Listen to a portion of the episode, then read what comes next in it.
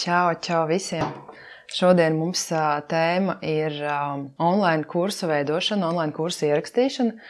Un es sarunāšos ar Andi Arnicānu, kas ir Sīgza Simple vadītājs un arī savas digitālās aģentūras vadītājs. Čau, Čau, Andi. Čau, Forši, prieks te redzēt.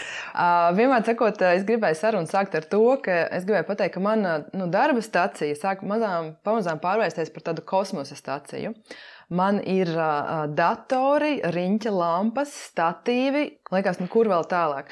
Uh, un, manuprāt, mēs visi esam šobrīd ļoti, ļoti gatavi, daudz kuriem ir saturs, šo visu arī digitalizēt un pārvērst video un audio lekcijās.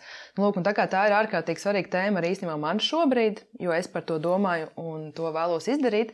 Tāpēc es aicināju tevi parunāt jā, par online lekciju veidošanu. Un doma ir arī tāda, ka es uh, savu piemēru likšu kā uz apskati uh, par to, kā mēs arī varēsim runāt par to, jā, kas man ir aktuāls un kā to visu izdarīt. Bet uh, sākumā varbūt Andi vārds višķiņa arī tev, kas tu esi, ko tu dari, tiem, kas tev varbūt vēl nepazīst. Uh, Uh, jā, tad man sauc Anna Arnēcāns. Un, uh, teiksim, nodalīt tādu divu virzienu. Viens ir tas, ka es uh, joprojām darbojos ar projektu, kas mums ir kopā ar Sigma Simple, uh, kas ir kā, dzīves, dzīves kvalitātes uzlabošanas bloks. Bet uh, mēs pārsvarā nu, teiksim, vadām lekcijas uzņēmumiem, un es vadu lekcijas uzņēmumu darbiniekiem par to, kā viņi var izveidot ilgspējīgākus ieradumus savā ikdienā. Tas, tā, tas, ir, tas ir viens virziens, bet otrs virziens, kas varbūt aizsākās vēl pirms Sigma Simple, tad piepauzējās, bet tagad atsākās. Tieši ar pagājušā gada pavasari tas ir, tas ir teiksim, tā, dažādu digitālo risinājumu atrašana mazajiem, mazajiem vidējiem uzņēmumiem. Un, un, un, un tieši ļoti daudz teiksim, mazie uzņēmumi, arī freelanceri, ir, ir, ir, kas saistīti ir ar, teiksim, ar online kursu veidošanu, kas paši veido kaut kādus kursus.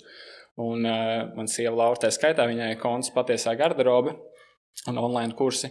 Un tad Tādā vietā es nodrošinu tehniskās un strateģiskās lietas, kas saistītas tieši ar online kursu veidošanu. Jā, konsultēt citus cilvēkus, kā, kā, kā to izdarīt veiksmīgāk, un, un, un pēc iespējas tā, lai būtu pēc iespējas mazāk darbs jāiegulda, pēc iespējas vairāk automatizēt, un lai varētu darboties savām ikdienas lietām, ja tā gribās, un, un, un, un būtu kaut kāds teiksim, pasīvi ienākumi, kas ir ļoti populārs termins, bet nu, kā to reāli īstenot. Mm, jā, tieši tā.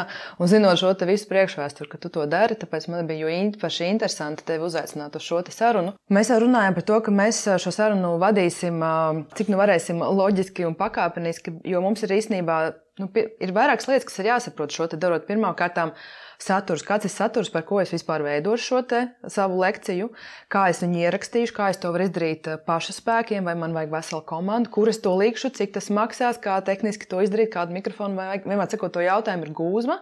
Līdz ar to varbūt mēs vienkārši eh, pamazām ejam cauri tam manam gadījumam un runājam. Tā kā es taisītu priekš sevis, kas būtu tas svarīgākais. Nu, lūk, vienmēr sakot, Diana Nikītina Zīmolveda ir nolēmusi, ka viņa grib uztaisīt meistarklasi un ir laiks viņu beidzot ierakstīt. Un man ir tāds, ar ko lai vispār sāk.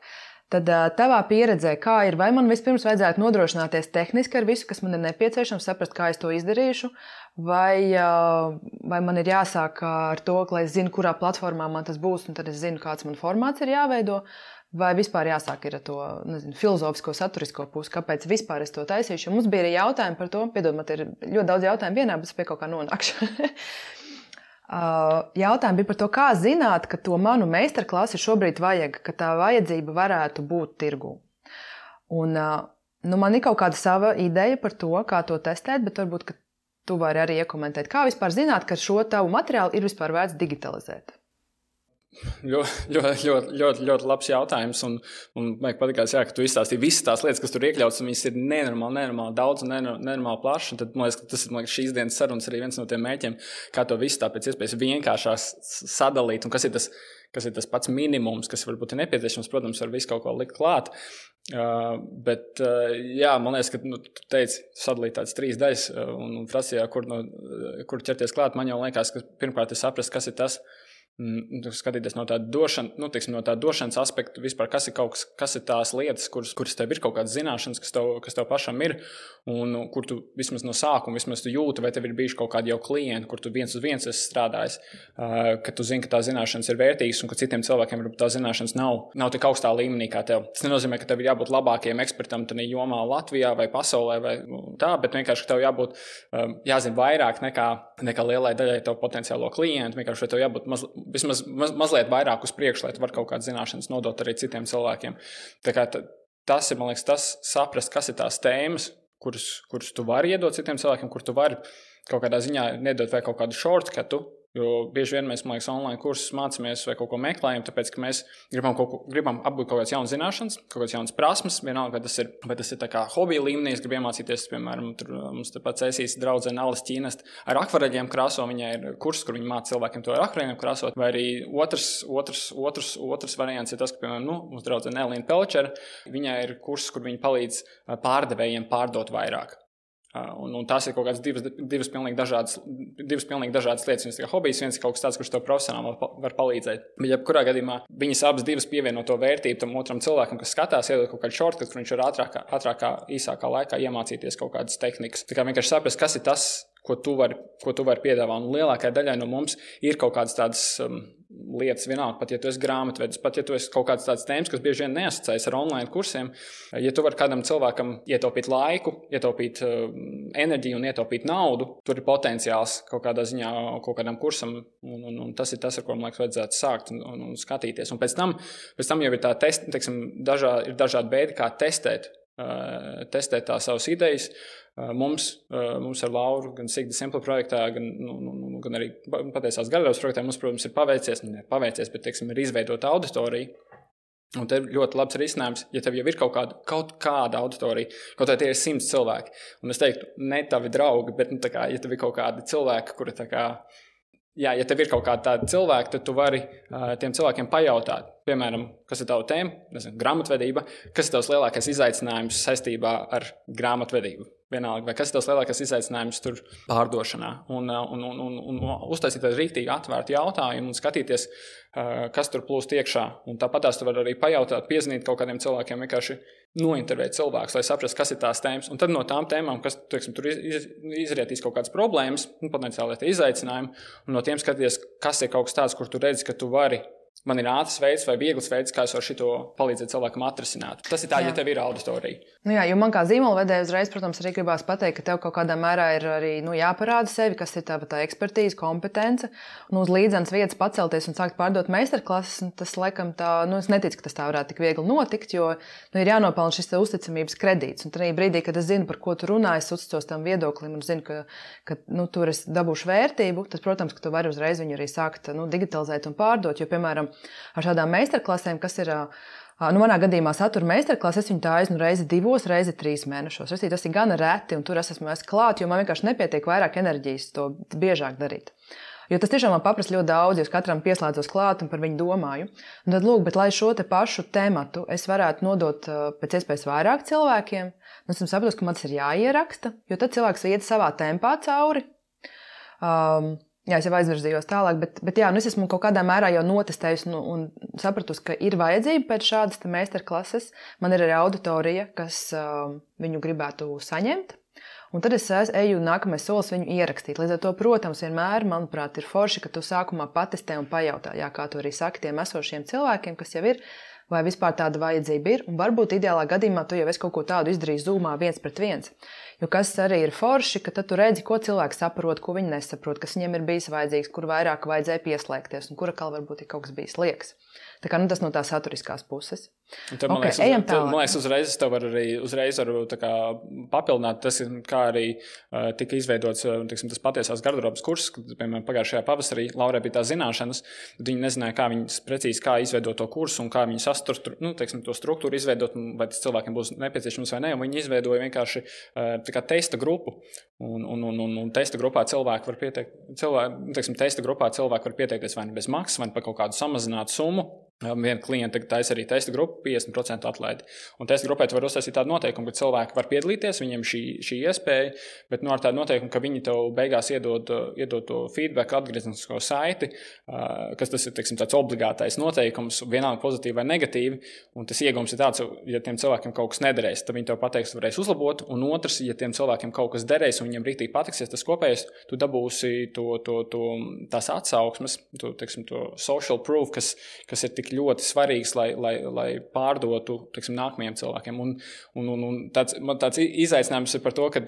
Nu, It kā jā, es to piekrītu, ka tā auditorija ir, ka viņi, viņi var ļoti palīdzēt, bet es patiešām ticu, ka pasaulē ir pietiekoši daudz tādu piemēru, kad arī, ja tev pat šobrīd nav auditorijas, kad var sākt, uh, var sākt jau sākt veidot to kursu Un, un, un ka to uzticību var izveidot, mēs nu, tur varam palīdzēt arī pēc tam, bet to uzticību vai to drošības sajūtu, ka cilvēks neriskē, var izveidot dažādos, nu, teiksim, dažādos veidos. Viens ir, protams, tas, ka tev cilvēks redz sociālajos tīklos, bet ir vēl cits tehnisks, kā tu vari izveidot to uzticību. Vienkārši, lai ne, nebūtu tā, ka tev jāuzbūvē Instagrams ar uh, tūkstošu sekotājiem, un tad tikai tu vari veidot online kursus, ka to var izdarīt arī nu, teiksim, ātrāk. Ok, nu es esmu tāds uh, iesācējs, mans pirmais kurs, man varbūt nav tam ārkārtīgi liels budžets, nu tad man ir jāizšķirās, vai nu es tagad ņēmu komandu, kas man tagad filmē, un gaismas, un operatoru, un viss notiek, vai es to daru mājās. Nu, mēs droši vien iziesim uz to šoreiz, ka nu, kā, kamera un komanda ir ideālais variants, bet uh, paliksim pie reālā varianta. Man ir dators, telefons, un labākajā gadījumā varbūt man vēl ir gaismas lampa un mikrofons. Vai man ar to pietiek, lai es varētu vispār sākt par kaut ko domāt? Jā, un tev ir vēl vairāk nekā teorētiski vajag, kas ir minimums. Nē, bet es, Super. es domāju, nu, kas ir minimums, ko vajag? Jā, jā, bet man liekas, nu, kā, to, par to pašu sākumu baigi labi. Tu pa, pateici, jā, ka, ka šis ir baigi labais laiks uh, vispār, kad ka tās tehniskās iespējas ir tādas, ka patiešām to var izdarīt pats. Un tā ir tas, nu, tāds, tas klasiskais, tāds, um, kad darīt pašam, kad uzticēt kādam citam. Kas tev, kas tev ir vairāk? Vai tev ir vairāk, vai tev ir vairāk laika, uh, laika un enerģijas, vai tev ir vairāk kā naudas? Un tu saproti to, ka tev, tu vari ieguldīt to naudu, pa to laiku sapelnīt, varbūt pat vairāk, un, un, un, un kāds cits var īstenot, un, tiksim, palīdzēt tev īstenot. Bet, ja tev ir laiks un tev ir enerģija, un tev gribās to īstenot, tad man liekas, ir izcils laiks, jo tiešām tie tehniskie risinājumi tagad ir pirmkārt daudz lētāki nekā viņi agrāk bija tādas gaismas. Eh, agrāk maksāja tūkstošiem, tagad tādas gaismas var par 100 eiro dabūt. Nu, tā ļoti vienkārši runājot. Bet arī visas teiksim, tās platformas, kas ir, ko mēs runāsim, arī tās platformas ir daudz pieejamākas, viņas ir daudz lētākas un, un, un, un nekā viņas bija iepriekš. Tā kā es uh, saku, ka noteikti var, un, un, un tad, zinu, tad praktiski uzreiz ķeroties klāt, kas ir, ne, teiksim, kas, kas ir nepieciešams. Teici, teiksim, no tādām tehniskajām lietām, tad mums ir tādas trīs Nu, ja mēs neskaitām saturu un, un, un, un tās teiksim, mārketinga, tad teiksim, tās trīs lietas, kad ir nepieciešams pārsvarā ir video, nepieciešams kaut kāds ar kaut kas, ko uzfilmēt, ir nepieciešams kaut, kā, kaut kas, ar ko ierakstīt skaņu.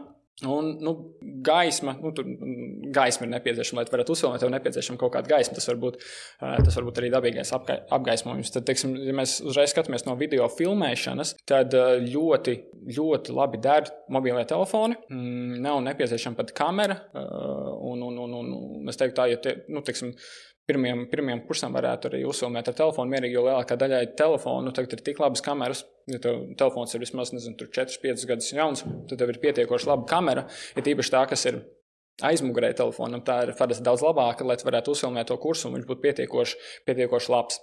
Nākamais solis, ja tu tomēr redzi, ka nu, tu jūti, ka tu vari investēties, vai tev ir nākamais kurs, varbūt tev arī mājās stāv kaut kāda kamera, tad, protams, nākamais solis ir tas, ka tev jau ir teiksim, bezspoguļu tā, kā, tā kamera vai arī nu, teiksim, spoguļu kamera. Un, un te labākais tāds risinājums, ja tev nav un tu vēlēsies iegādāties, tas varētu maksāt ap Nu, tiksim, tāda kamera varētu maksāt ap 500, 600 eiro. Pat jauna uh, lietotas kameras arī varētu nu, tiksim, par 400, 500 eiro dabūt. Facebook ir tāda grupa, fototirgus. Tiksim, jā, 500, 600 eiro tu vari diezgan, nu, diezgan labas kvalitātes bildi jau dabūt. Un uh, es jau es Dienā jau pirms senas teicu to, ka Sarunas laikā es pieminēšu visādas kameras, platformas, mikrofons un visādas lietas, un es vēl neesmu uztaisījis, bet Sigda Simple lapā Ja tu ies uz, uz, uz teiksim, tādu saiti, uh, sigdasimple.com uh, šķērsvītra uh, Diana, tad es ielikšu, teiksim, uzreiz pēc mūsu sarunas, es salikšu visus resursus, kas tiks pieminēti. Man ir arī lapiņas, pieminēšu, visus pieminētos resursus uzreiz ielikšu iekšā, lai tev kā, nav teikt, jāmīk kaut kas pierakstīt, tur kameras, kameras nosaukumu un tā tālāk.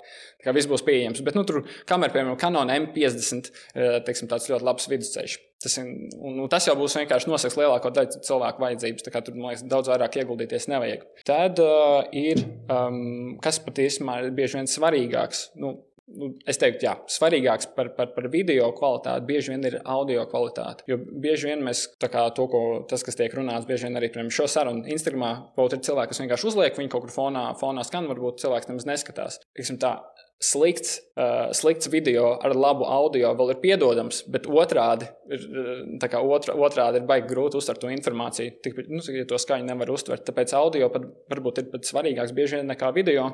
Un te uh, bezmaksas risinājumi, kas bieži vien mums mājās jau ir, ir šādas te uh, austiņas. Uh, jo, jo, jo tas princips, teiksim, priekš audio un priekš tādiem mikrofoniem ir tā, jo tuvāk tu esi audio mm, kā, ierakstīšanas avotam, tad mikrofonam, jo būs labāka skaņa. Nu, tā, tas tāds uh, vienkāršais princips, jo, ja tu ierakstīsi audio, piemēram, savā datorā, kas ir datora iebūvētais mikrofons, viņš parasti ir ļoti slikts, vai pat telefona mikrofons, un tu atradīsies mazliet tālāk, tad uh, telpā Mums šobrīd, jaunajā studijā, kur mēs vakar ievācāmies, vēl ir ļoti liela atbalsta, bet tad mikrofons paņems baigi daudz to telpu. Un tieši tāpēc, ja tev vienkārši tāds austiņš, vienalga, tu Zoom zvanos vai kur, šī tāds austiņš ir vislabākais risinājums, kas tev parasti mājās ir. Un tad nākamais risinājums, tomēr, ja tev, piemēram, tu filmē kaut ko un tavs telefons atrodas mazliet tālāk, tad var, teiksim, kas saucās tie piesprāžamie lavalieri mikrofoni. Vienkārši tu piesprādi pie savu krēklu. Mm -hmm. Man tagad tādā, tāds ten ir. Tev arī ir. Ja? uh, un piesprādi pie krēkla, un viņam ir Tad tev ir garš vats, un tu vienkārši iesprādi to vadu, un tas mikrofons teiksim, var, atrast, var atrasties tālāk no savas kameras, un tu vari ierakstīt labu skaņu. Tad mikrofons atradīsies diezgan tuvu, būs labāk, labāka skaņa. Un tad, protams, ja teiksim, tavā video ir kaut kas, kur tu kusties, Un, un, piemēram, ja tu esi fitnes treneris un tu, tu kusties, un tad treniņa laikā tur rāda kaut kāds vingrinājums, un tu kusties, tad ļoti labi ir šī tāda uh, bezvadu mikrofoni. Es, te, es teicu, ielikšu visus tos resursus ar linkiem, uh, kur, kur viņus var iegādāties. Uh, Tad šāda mikrofona Roda Wireless Go baiglabais risinājums ir, viņam pat nav jā, jāpērk atsevišķs mikrofons, jo viņam jau ir iebūvēts mikrofons, tas viņu piestiprina teorētiski pie krēkla, un man ir bezvada risinājums, kas var vienu galu iesprāst, uztvērēju iesprāst telefonā un raidītāju piesprāst, piesprāst savu klāt. Tieši tā, vai ne, jo šitie visi mūs pietur pie mūsu datoriem un telefoniem, mēs nekur tālu nevaram aiziet, bet ja mums vajag mazliet tādu plašāku lauku, tad tas wireless ir baigi labā lieta. Nu jā, un tad, un tad vēl viens variants, teiksim, ja tev ir ļoti daudz visādi, nu, tev, tev ir kurs, Un tavā kursā ir ļoti daudz tādu zoom zvani. Vai arī tev ir tas ir viens, eh, viens, viens tāds variants, vai otrs, ja tev ir kaut kas, kur tu, piemēram, mūsu draudzenei Zanda, ba, Zanda Bach, tu, tu arī ļoti labi pazīsti. Uh, Zanziba, viņa ir šūšanas kurs, un man liekas, ja es nekļūdos, es neesmu viņas kursos bijis, ja es nekļūdos, tad viņas risinājums ir tāds, ka viņa nofilmē kaut ko, kā viņa dara, un pēc tam viņa taisa tā kā voiceoveru strādā tāda mikrofona, arī kas ir teiksim, USB mikrofons, kur tu vari piesprāst klāt pie sava datora un, un, un, un dabūt jau pavisam nu, kā, cita līmeņa to, to, to audio ierakstu. Tas ir tāds nākamais, nāk, nākamais ko var darīt. Nu, tas, par, tas, teiksim, tas tāds īsumā par audio. Un, un, un tad Tas pēdējais punkts, ir, nu, kas ir nepieciešams, ir nepieciešams kaut kāda ierakstīta video, ir nepieciešama gaisma. Tāpat kā vienalga, ja tu fotografē, nu jā, vienalga, kur tu, vienalga, kur tu ieraksti video vai fotografē, tev ir nepieciešama kaut kāda gaisma. Vislabākais gaismas avots ir teiksim, dabīgā gaisma un, un, un loks. Nu, nevis vislabākais, bet tas ir kaut kas tāds, kas mums visiem ir pieejams. Uh, pusgadu no, no, no, pusgadu no visa gada mums ir tas pieejams, dabīgā gaisma. Nu, ziemā vienos arī. nu, ziemā, es saku, ziemā, ziemā ir baigi grūti. Bet, es uh, 11. Bet, vienos vairs ne. bet, uh, principā ir tā, ka tīpaši, ja tev ir baigi, tiksim, ja ir ļoti spilgta saulē, piemēram, tagad vasarā, tad, tiksim, šitādi, kas ir tie saucamie dienas aizskari, uh, Tas ir kaut kas tāds, ko tu vari pielikt priekšā, un tā gaisma būs tāda mm. mīkst, mīkstāka, vienmērīgāka. Jā, man ir šī pusē aizkara, vienkārši parādīšu, kas notiek. Tas ir tas, ka man ir aizkars ir vaļā. Man uzreiz mm. ir spilgta viena puse sejai, un es viņu aizstāju ciet, un viņš uzreiz izlīdzinās. Mm. Es nesaku, ka man ir ideāli, bet man ir lampa un šī gaisma no loga. Un tad man tas veido kaut kādu, nu, es pieregulēju to lampu. Man ir man tā lampa, vai kuras ņemsies augstāk, siltāk, varu temperatūru mm -hmm. un augstāk. Un tā, nu, jau sakot, atrod to īsto līdzsvaru. Bet, zinu, ko es tev gribēju pajautāt? Kā ir, piemēram, ar gaismu dabīgo jārā, staigā mākoņu mainās, te ir saule, te ir ēna. Tas ir tas, ir, tas ir tas, ko es gribēju teikt, jā, ka dabīgā gaisma ir baigta forša, bet viņi nāk ar saviem mīnusiem. Tas, ka tu viņu nevar, nu, nevar tik viegli kontrolēt. Uh, un, un, un, protams, ka, piemēram, ja mums ir telefona kamera, viņa tā kamera, nu, teiksim, telefona kameras, viņam parasti viņas filmē automātiskā režīmā, un viņas pielāgojās visu laiku. Nu, tā kā pielāgojas pie tā apgaismojuma. Un es teiktu, ja tev ir nulles budžets, un nu, ne nulles budžets, bet ja tev ir mazs budžets, tas, tas nav tik svarīgi. Uh, un, un, un, un, un, un es tā baigi nefokusētos uz, to, ka tev tur dažreiz tu esi, tev ir gaišāks fons un dažreiz mazliet tumšāks fons. Ja tu tos visus video filmē secīgi, tad tas varbūt, nu, es teiktu, tas nav, nav tik traki.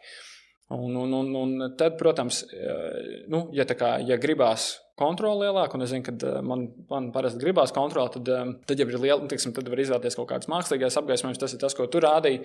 Un, piemēram, kaut kāda šāda LED panelis, viņš maksā, nezinu, 30, 40 eiro, un, un, un, un dažādos izmēros, dažādos stiprumos. Tās LED panelis var ļoti, ļoti palīdzēt, tā, ka tu kontrolē to gaismu. Tu vari aiztaisīt ciet visus aizskars, visus slogus un izmantot tādus LED paneļus un, un, un, un, un vienu, divus. Un tu vari kā, kontrolēt to. Bet te uzreiz mm -hmm. vienīgā lieta, kas ir jāskatās, lokus ir ļoti labs gaismas avots, tāpēc ka lokus ir liels. Jo lielāks gaismas avots, jo uh, skaistāks mūsu sejas ir. Un, un, un, un jo mazāk var redzēt visas, visādas pumpiņas, grumbiņas, un tā mēs esam skaistāk, vienmērīgāk izgaismoti. Un jo mazāks gaismas avots, jo, jo vairāk var redzēt visu. Visu, visu var redzēt daudz, daudz izteiksmīgāk. Tā kā viens variants, ko var darīt, ir tā, ka, piemēram, ja tev pat ir tie dienas aizskari, vai tev ir kaut kāds dušas aizskars, kurš ir vienmērīgā krāsā, ka tu vari to LED paneli, LED gaismu spīdināt cauri viņam, ka tev blakus iekarināts teiksim, aizskars ir un tu spīdini virsū aizskaram to, to, to gaismu.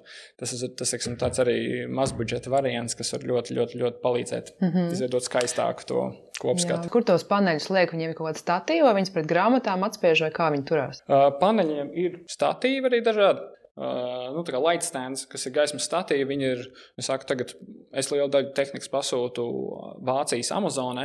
Piegāda ļoti ātri un ļoti plašs piedāvājums tieši tādiem generiku visādiem variantiem, kas ir kā, nav kaut kādi brandotie, bet vienkārši tādu gaismas standu, ja viņš ir normāls kvalitātes, man nav vajadzīgs, ka viņš tur ir kaut kāds fotobrands. Un uh, viņus var iegādāties Amazonē, viņi patiešām maksā, nu, diezgan normāls kvalitātes, piemēram, 100 eiro. Un tā gaisma, kas tev, un tas, ko es arī gribēju pateikt, ir tāda gaisma un, un, un mikrofoni. Tā ir kaut kāda lieta, kuru tu vienreiz investējies, un principā nu, tev nebūs vairāk nekad mūžā jāinvestējas. Nu, tev, ja tev ir normāls mikrofons, tad viņš nenovecos. Kamera noveco pāris gadu laikā. Un, un tāpēc, tā kā, ja var investēties, tad teiksim, tāds gaisma vai mikrofons ir ļoti, ļoti laba vieta, jo tas vienkārši viņi, viņi nezaudē savu mm. vērtību. Nu, mans piemērs ir tāds, es ļoti mētiecīgi gāju uz to, ka es sakrāju mikrofonam, jo tā nebija tāda nu, tā pri, pirmā prioritāte man, man dzīvē. Bet nu, es zināju, ka man vajag to mikrofonu, un es vienkārši tiešām, darbie klausītāji, es viņas es vienkārši krāju. Attiecīgi, vienmēr, kā man kaut kāda nauda ienāk, es aizsūtu eiro, 5 vai 10 atkarībā no kā tu kur reizi mikrofonam. Un, jā, jo es zināju, ka es gribu nopirkt labu nevis AliExpress kaut kādu variantu. Līdz ar to tas ir kaut kas, jā, uz ko es ļoti mērķiecīgi gāju. Okay, Bet es saku, es par tiem mikrofoniem mm. arī ielikšu, ielikšu tos variantus. Mm -hmm. uh, ielikšu tos variantus tādus, nu, es teiktu tā, 100, 100 eiro. Uh, tiksim, tāds galda, nu, ne šis mikrofons, bet tāds, kur piemēram, tu tur uz galda, kur tu vari izmantot gan zūmos, gan, nu, principā visur, gan arī ierakstot kaut kādus kursus. 100 eiro varētu maksāt. Un, un tas mikrofons tiešām var izmantot viņu vairāk. Es, piemēram, par to tehniku, es bieži vien domāju, es pērku kaut kādu datoru, es pērku kaut kādu gaismu. Es to investīciju patiešām sadalu nu, pa tiem gadiem, cik es viņu lietošu. Mm. Kameras, es zinu, ka es lietošu mazāk, dators arī ātrāk novacējās, bet, piemēram, tāda gaisma nu, vai, vai mikrofons, es zinu, ka viņš, ja vien tu viņu nenomet, neizšķaidi, viņš tev kalpos, nu, principā visu mūžu var kalpot. Klau, un tad rezumē, principā šobrīd tādai starta pakai ir uh, laba telefona kamera Ideālā gadījumā vēl uh, gaismas lampa vai vismaz labs lokus, uh, gaišs mm -hmm. un ar aizkariem priekšā un uh, mikrofons. Trīs lietas, ko vajadzētu sākumā. Tas ir, jā, tas ir, no, tā, tas ir no tā tehniskā, jā, nu, nu, teiksim, no tām tehniskajām lietām, kas vajadzīgas. Un tad, protams, tu, okay, es esmu uzfilmējis to savu video, nu, es dabūju to gatavu. Pēc tam es arī padalīšos par tiem, kas ir tie tips un triks, kā uh, labāk izskatīties tajā un izklausīties tajā video. Um, un, un, bet, teiksim, man video ir uzfilmēts, man viņu vajag kaut kā sagraizīt. Jā, un, un tas ir jautājums, ko mēs varētu arī forši pārēt, jo es tev gribēju pajautāt nākamo.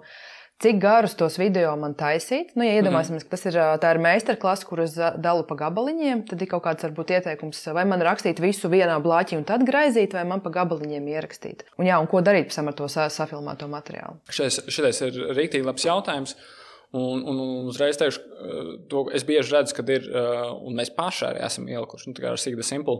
Sigda Simple šobrīd lekcijas vairāk, vai, nu, teiksim, mums bija pirms tam nevis kurs, bet tādas lekcijas, tā kā ieraksts arī tie vairāk nav pieejami, bet mums bija tā, ka ir, teiksim, viens ieraksts, tu iegādies kā kursu vai lekciju, un viņš ir pusotru stundu.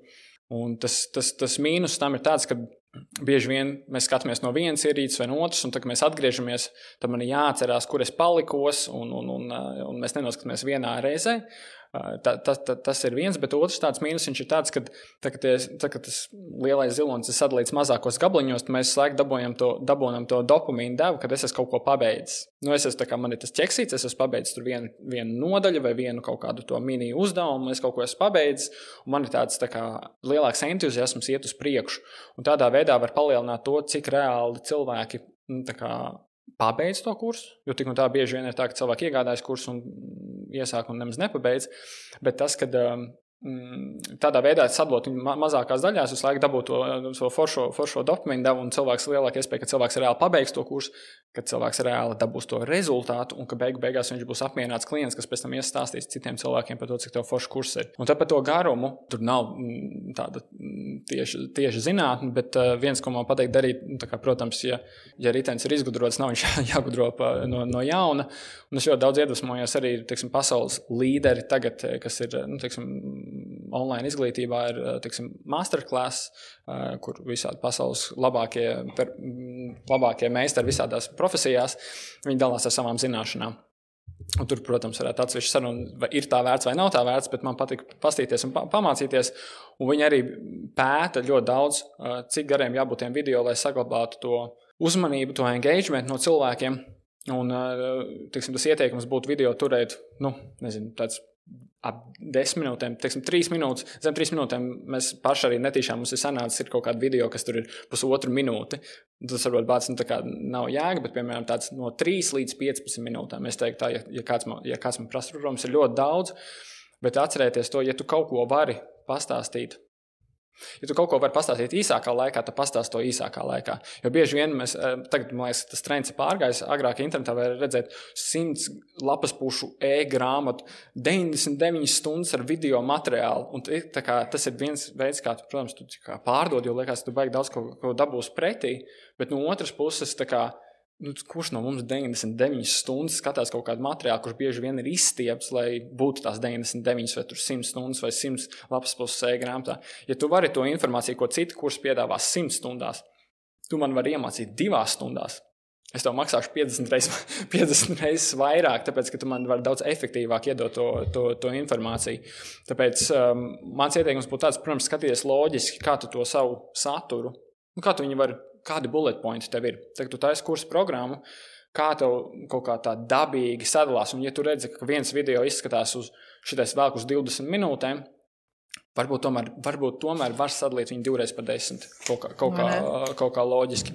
Es teiktu, tā, jā, 3 līdz 15. Ma mazu video intervenciju, mazu. Jo es arī esmu sadalījis to savu meistarklasi, kas man ir obligātā literatūra, nu, kā kādas ir tās mm. tēmas, un tad man ir bonusa video vēl atsevišķi. Nu, es sakot, esmu jau tikus tik tālu, ka esmu sapratusi, kā viņš. Uh, šis kurs man kādas tēmas būs. Un tad es apmēram varu piemest, ok, jā, tur trīs minūtes, desmit minūtes, un beigās droši vien arī būs kāda pusotra stunda īstenībā, ne vairāk tā kopējā materiāla. Un es vēl arī interesanti lieta, ko es tev gribēju pajautāt par šiem video. Mēs atgriezīsimies arī pie tām tehniskām montāžas lietām. Bet labi, es uztaisu to video, piemēram, šobrīd sekoju līdzi vienai lekcijai, kas ir 28 dienas, un viņi man dod to materiālu katru dienu. Vispār viņš ir aizslēgts, un tikai nākamajā dienā tu dabū nākamo to lekciju. Tad kā tu skaties uz to, ka es turu savu saturu atvērtu, ka cilvēks pats iet savā gaitā, vai tomēr viņu vest cauri procesam, ka, teiksim, reizi dienā iedot nākamo to lekciju? Mm -hmm. Baigi labais jautājums. Uh, tas, kā, ja tu skaties, angļuiski saucās kā dripot, nu, kā, ka tu pilini, pilini to saturu. Uh, mēs, uh, teiksim, patiesās gardrobas kursā pilinam saturu, ir citi klienti, tad, skatā Elīna Pelčera, kam viss saturs pieejams uzreiz. Mm, Tas ir baigi atkarīgs, protams, no tā, no, no, no tā satura. Un, un, un kā tu redzi, teiksim, tas pilināšanai tas bonus ir tāds, ka cilvēks, ka viņam visu laiku ir kaut kas jauns. Un kad visu laiku ir kaut kas tāds, nu, tā kā, tas, tas ir varbūt tāds pozitīvs, jo cilvēks visu laiku atgriežas un tu vari izveidot kaut kādu ieradumu. Jo bieži vien ir tā, ka mēs iegādājamies kaut kādu online kursu, kurā ir nu, tur, mm, kā kaut ko izdarīt. Nu, tiksim, bet tas, tā, lai īstenotu to, to programmu, lai nokļūtu pie tā rezultāta, ir nepieciešams sistemātisks darbs. Katru dienu, piemēram, teic, nu, teiksim, 28 no, dienas no vietas, ir nepieciešams sistemātisks darbs. Un tad arī teiksim, tu vari izveidot kaut kāds jauns pozitīvs ieradums. Ja es to pašu saturu iedošu vienā dienā, cilvēks vienu dienu viņam būs rīktīgi daudz motivācijas, rīktīgi liels entuziasms, viņš vienā dienā paņems, paņems noskatīsies, varbūt viņš pat noskatīsies visu kursu. Bet otrajā dienā viņam tas kurs vairāk, tas kurs saturs vairāk nebūs prātā, vai viņš būs, viņš vienkārši mazināsies, mazināsies, un pēc 28 dienām tas cilvēks tiešām nedomās vairāk par to saturu. Un tāpēc man liekas, tas ir baigi atkarīgs. Man patīk, kad ir tā pilināšana. Jo tas man iedod to, jā, tas man izveido kaut kādu to, to, to, to, to jaunu, labāku ieradums. Un tas, kas ir pozitīvs, tas, ka lielākajā daļā no visām teiksim, no tehniskās puses, to ļoti viegli var izdarīt. Tādā ziņā, ka tu vari sākt pilināt saturu no tā brīža, kad cilvēks ir pierakstījies. Ja cilvēks pierakstās, mm -hmm. Viens, viens cilvēks pierakstās, nopērk kursu tev šodien, viņam 20 dien, 28 dienu atskaita sākās no šodienas, cits cilvēks pierakstīsies nākamnedēļ, viņam sāksies nākamnedēļ. Nu, tehniski tas vienkārši tev neko nu, tādā ziņā, tādā ziņā mm -hmm. neprasa. Nu, nu, es ieteiktu, ja, ja var, tad, un ja tev tas ir, nu, tu jūti, ka var piedot pie tava tā satura, ka tas ir kaut kas, kas atkārtojās, tad es teiktu, ka to var darīt. Mm -hmm. Jo vēl man zina, kāda bija doma, ka ir tā mana meistarklase, kurai var pieslēgties tajā brīdī, kad tu gribi, tu ej tajā savā, vai nu savā gaitā cauri, vai nu es tev katru dienu anlokoju vienu uzdevumu, kas arī no mārketinga viedokļa īstenībā ir forši. Tas nozīmē, ka tu katru dienu tam cilvēkam aizsūti ziņu, jums veidojas attiecības nevis vienu reizi, bet nu, kaut kādas tās, nezinu, 12, 20 dienas, piemēram. Tas ir viens. Uh, otrs. Um, Jā, nu, ka vienmēr sakot, tam cilvēkam saturam tiek klāta arī brīdī, kad viņš vēlās. Un tad, piemēram, tā kā satura meistarklasē, man ir reize tajos divos, trīs mēnešos, kad ir satura klase kopā ar mani. Tas nozīmē, ja tu trāpi uz tiem datumiem, tad mēs ejam kopā ar mani. Un tad uh, man ir tāda arī doma, ka, teiksim, satura meistarklase pati par sevi ir lētāka, par cenām mēs arī vēlāk parunāsim. Un savukārt, tajā brīdī, kur ir kopā ar mani, tad it kā jau saturs ir tas pats, bet tur nāk klāt vēl es ar savām kontaktstundām. Līdz ar to šai meistarklasē ir arī nu, cita lielāka cena. Tā kā tāda man tāds Daudz lielāka. Jā, daudz lielāka. Bet labi, vienu soli atpakaļ par to montāžu. Kas mums ir jādara tiem gabaliņiem, kas ir safilmēti? Nu, es vēl gribēju papildināt par to, ka vēl viens tāds iegūms, es zinu, cilvēkiem, kuriem nu, grūti, nu, ne grūti sākt, bet liekas, ka tas zilonis beigas lielās un nu, grūti viņus atlīt. Viens iegūms no pilinoša satura ir tāds, ka tev to mēs arī parunāsim par izsludināšanu. Bet tev nav, eh, ja tev ir katru nedēļu jauns saturs, tev nav pirmajā nedēļā jābūt sastajā nedēļai gatavai. Nu, ka, kā, ka tu vari veidot to materiālu paralēli, mācīties, kamēr tu viņu taisi. Protams, tas ir augstāks stress un, un, un, un, tev tur jābūt, jā, jā, jā, jā, jāizdara visa, visa laikā. Bet tas, ka tu vari ātrāk īstenot to projektu un tev nav jāuzfilmē viss kurs, bet tu vari uzfilmēt, piemēram, nu, sākās uzfilmēt tikai pirmo nedēļu, un pēc tam ej, nu, paralēli darbojies. Tā, tā ir nu, vienkārši tāda iespēja. Bet uh, par to montāžu uh, atkal mm, nulles budžets. Uh, nulles budžets, nu, tā pieņemsim, ja tev ir dators. Bet arī bez, būs arī bez, bez datora. Tad, ja tev ir dators, nulles budžets, ir, ja tev ir MacBooks, uh, iMovie, mm, lai samontētu, viņas saucās runājošās galvas video. Tad, runājušās galvas video, plus, ja tev ir kaut kādi slaidi, ko tu gribi rādīt, tad to visu mierīgi var uztaisīt iMovie.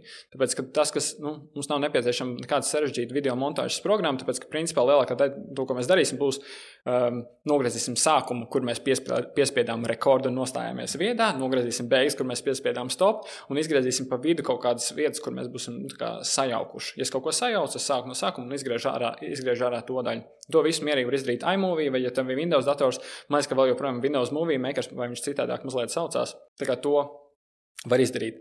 Uh, nulles budžets uz telefona ir arī ļoti, ļoti, ļoti vienkārši. Ja tu filmēsi telefonu, tu vari arī montēt uz telefonu tādu vieglu montāžu, vai arī, piemēram, tu vari, nu, ja tev ir planšeta, uz planšetes varētu būt vieglāk. Tad ir divas programmas. Viena programma, uh, kas strādā uz, uz, uz, uz, uz, uz iPhone un uz dažiem Androidiem. Vienkārši viņiem nu, kā, tur kaut kāds, nezinu, nezinu, kāpēc viņiem nestrādā uz visiem Androidiem. Kas te, es teiktu, ka vislabākā programma ir uh, Adobe Premiere Rush Un viņi ir bez maksas, bez watermarkiem, bez limitiem, bez, bez nekā. Un, principā, tu vari ļoti, ļoti daudz izdarīt. Nu, tā kā, principā, nu, samontēt tādus kursus, tu vari mierīgi arī uz, uz, uz savu telefonu. Ja tev ir Android, uh, tad viena, tu vari pamēģināt, ja tev tas rašs ir, varbūt, ja viņš tev tādā Play Store rādās, tad var to, bet ja nē, tad ir tāds CapCap, CAP, CUT, CapCut. Um, vienkārši aplikācija arī bez watermarkiem, bez, bez nekā. Tu vari principā samontēt skaļumu, griezt augšā, lejā, visādus tekstus, efektus, slaidus, um, picture in picture. Dažādi, nu, teiksim, ja tu redz tā, ka tev ir slaids un apakšā ir kvadrātiņā cilvēka galva runā, to arī visu var izdarīt un visu var uztaisīt. Kā, tas ir ar telefonu. Tad, protams, ja tev ir kaut kāds, nezinu, ja tev tur ir kaut kādas vajadzības, vai tu jūti, ka tu vari montēt arī kaut kādus YouTube video vai kaut, ko sare, nu, kaut kāds sarežģītāks video, es izmantoju, man ļoti, ļoti patīk um, Final Cut, kas ir uz, uz MacBook. Tā ir maksas aplikācija, bet viņa ir daudz lētāka nekā tur mm, Adobe Premiere, kur tev ir ikmēneša maksa jāmaksā. Un, un, un, un, un, un ja Um, ja uz, uz, uz, mēs runājam par Windows datoriem, tad viena bezmaksas aplikācija, kas ir ļoti, ļoti, nu, ne, nu, tiešām ļoti jaudīga, ja gribās, ir DaVinci Resolve. 99% viņi ir, kā, kas mums klausās, viņi nav nepieciešami, viņi pārāk sarežģīti. Un, un, un tā, bet, nu, ja kādam gribās, tas, man liekas, ir tāds foršs bezmaksas variants, un, un, un kur tiešām var advancētāks arī tās nu, video mm -hmm. montāžas taisīt. Un, un, un tā. Jā. Klau, un šī brīdī, kad es tos gabaliņus savu nu, esmu safilmējis, montējis, vai tu ieteiktu mainīt plānus, vai es esmu visu laiku tikai talking head, vai, nu, piemēram, labi, ja es neesmu fitnesa instruktors, kurai skaidrs, ka ir jākustās, bet es, piemēram, nu, lasu lekciju, kas ir vienkārši par tēmu, man principā nav jāizkustās ne par milimetru. Tad ir divi jautājumi. Uh, viens ir, vai ir vērts uh, pamēģināt uh, mainīt plānus, un tad kā es viņus samontēju, vai, piemēram, trīs minūtes man ir šādas, un trīs minūtes man būs šādas, tā kā tālāk kaut kur. Vai arī mēģināt pa vidu vēl pārslēgt, lai ir dinamisms kaut kāds. Un otrs, kā iedabūt iekšā prezentāciju šajā visā. Ja man ir prezentācija, un es gribu, lai blakus ir arī mana, mana galva. Tā, atbildot uz tādiem jautājumiem, tad uh, plāns, uh, lai nav tā, ka beigās tas ir pārāk, uh, pārāk saraustīts un ka man ir grūti klausīties, tāpēc ka tu visu laiku kaut kur maini, maini, maini lokācijas un ka, piemēram, audio kvalitāte mainās. Tāpēc, ka vienā telpā, es parunāšu pēc tam par atbalstu, bet vienā telpā ir vairāk atbalsta, otrā telpā ir mazāk atbalsta. Tā no tā, nu, teiksim, no tā ir jāuzmanās. Tā mainīšana palīdz noturēt uzmanību. Tā, tā, tā, tā, tā tas ir viens no iemesliem, kāpēc var kaut ko mainīt. Bet, piemēram, es teiktu, tā, visu, kam, ja tu piemini, nu, ja tu piemini kaut kādus skaitļus, ja tu piemini kaut ko, piemēram, mums ir nu, patiesās gardrobas kursām, Laura tur stāsta par to, sakombinēt uh, džinsus ar, ar, ar, ar, ar kaut kādu baltu blūzi. Un tad ir superīgi, ja tu tomēr tas ir vizuāli parādīts, ka tev ir kaut kāds slaids, kurā tu parādi, kā tas izskatās. Tāpēc, kad mēs cilvēki dažādi mācāmies, dažādi uztveram informāciju, ir cilvēki, kuriem pasaka, ka džins ir balta blūza, viņiem uzreiz galvā ir bilde, ir cilvēki, kuriem vienkārši nav vizuāli, un kuriem vienkārši neredz, neredz, nevar iztēloties, un viņiem vajag fizisku bildi priekšā, un tikai tad viņš var to redzēt, nu, kā var saprast, par ko tu runā. Tā kā visur, kur ir kaut kādi skaitļi vai šitādas lietas, vai kur kaut kādi bullet pointi, sāraksti kaut kādu to visu var, vajadzētu teiksim, likt virsū. Un tas arī palīdzēs noturēt mazliet uzmanību. Uh, tad, nu, iesākumā es neieteiktu baigi tur eksperimentēt ar kadru dažādām maiņām. Tas var palīdzēt. Vū, vū, kaķi. Jā, jā un nu, tas pats arī attiecās montāžā, visādus tos transitions, kur tur mainās, kur tur kustās. Keep it simple nu, kā, un, un, un koncentrējies tiešām uz to, ka tā informācija, ko nodod, ir Nu, ka viņi var uztvert, un ka tās pārējās lietas papildina, nevis tieši atņem uzmanību. Jo man liekas, ka viss, ko mēs darām, arī šāda saruna, tā kā mēs cīnāmies, nu, necīnāmies, bet tas ir par mūsu uzmanību, par cilvēku uzmanību, cik labi mēs noturam uh, citu cilvēku uzmanību. Jo, ja viņš kaut kādā brīdī, kā daudz kas klausās, varbūt kāds kaut ko citu dara, viņš kaut kur aizdomājās, nav jēgas, es varētu stāstīt tagad pasaulē vērtīgāko lietu, bet vienkārši, es nevaru to uzmanību noturēt, tad es nu, vienkārši tad, um, nu, nav jēgas no tā kursa vai no tā satura, ko mēs radām. Tur bija vēl kaut, tur bija, tur bija vēl kaut kas tavā jautājumā. Par, par kā iedabūt iekšā? Jā, jā, ja man vajag slaidu un manu, manu galvu, tad. Uh... Nu, vien, vienkāršākais, vienkāršākais risinājums tāds, tu uztaisīji savu prezentāciju nu, PowerPointā vai arī kinotā. Svarīgi, jo mēs uzreiz tādās tehniskās lietās ejam iekšā. Svarīgi, ka viņi ir video formātā. Tad, tad uh, malu attiecību garums ir 16 pret 9, uh, kas ir tā kā, nu, teiksim, televizorā, kad bilde tāda garaniskāka. Tas viss pie, nu, tur standartā var izvēlēties. Un tad uh, PowerPointā ir tāda opcija, ka tu vari eksportēt savu prezentāciju, bet viņu var eksportēt kā JPEGus, JPG formātā. Un pēc tam tu tos uh, JPG tādā vietā, piemēram, ja tur video tev nepieciešams kāds slaids, tu vari uzlikt virsū to slaidu, un tad, ja tu vēlies, tu vari izveidot to uh, picture in picture mm, to, to efektu, ka ir tā kā tava runājošā galva ir, galva ir maziņa stūrītī, un, un pa visu to tur ir, ir, ir slaids. Ko es ieteiktu darīt, tāpēc, ka, ja būs tikai slaids un tikai runāšana, tad mm, pazūd tas cilvēciskais, mm -hmm. cilvēciskais uh, kontakts. Jā, tā par tām uh, prezentācijām. Es esmu zūmā darījusi tā, ka es vienkārši palaidu screen share, un tad man mans maz, maza, mazā galviņa ir apakšā. Uh, un man it kā viņš liekas ok, bet kaut kādā mērā man kādreiz gribētos atdalīt, nu, ka ir tā, kā, nu, teksim, tā prezentācija, un blakus manai, manai galvai ir trešdaļa ekrāna. Tad to es varu principā montāžas laikā izdarīt, vai ne? Montāžas laikā to var izdarīt, jā. Zūmā tādas opcijas cik man zināms, nav. Um, protams, ja tu taisi, nu, mēs izmantojam, tā kā mēs daudz lekcijas vadām, mums ir arī tur, ir te, kā, strīmošanas programmas, kurās tu vari to, to, to izveidot. Bet, teiksim, ja tu montē arī uz tā paša telefona, tad visās aplikācijās to varam izveidot, tu vari sadalīt, tu vari palielināt, cik tu lielu gribi. Uh, to visu var izdarīt. Tas ir ļoti nu, salīdzinoši intuitīvi un, un, un, un, un jā, to var dabūt gatavu. Tātad tehnika man ir, esmu safilmējusi, man ir tā kā rekur jau materiāls, kuram ir decenta skaņa, decenta tā, tā bilde, kuras viņu tālāk lieku. Un tas mēs pirms tam jau bijām to parunājām, ka ir šīs te, uh, speciālās vietas, kur to likt, kas maksā. Un tad ir jautājums, vai man tiešām ir vajadzīgs maksāt 50 eiro mēnesī sākumā, kad es vēl nezinu, kā man tas viss aizies. Uh, vai otrs, es visu to salieku kaut kādā tur unlisted YouTube vai Vimeo vai vēl kaut kur. Un, jā, un kā tas sanāk, ka man šis saturs, kurš ir ielikts kaut kur, ka viņš ir arī tiešām aizsargāts, ka viņam netiek klāt vai viņi nevar tur leju pielādēt. Tā kā atkal trīs jautājumi vienā, bet tad, tad ko, kur mēs tālāk liekam šo video? Šitais ir baigi baig, baig labais. Es to gribēju piedāvāt variantu. Mēs varējām nobeigt par to mm, satura radīšanu. Atceries, ko mēs runājam, tu, tu man rakstīji par tiem sarkanajiem, sarkanajiem aizskariem, ka mēs varētu nobeigt to, kā uzfilmēt. Okay, jā, ļoti labi. Ko, mhm. ko, ko, ko saka? Vienkārši, te, un te ir cilvēki pat šis noderēs cilvēkiem, pat ja tu neesi, pat ja tu negribi filmēt online kursus, šitais tev noderēs, lai tu izklausītos un izskatītos labi jebkurā, jebkurā zūmā, jebkurā konferencē, jebkurā grupā, nu, teiksim, konferences zonā, kur tev jāpiedalās, vai ja tev jāfilmē sevi.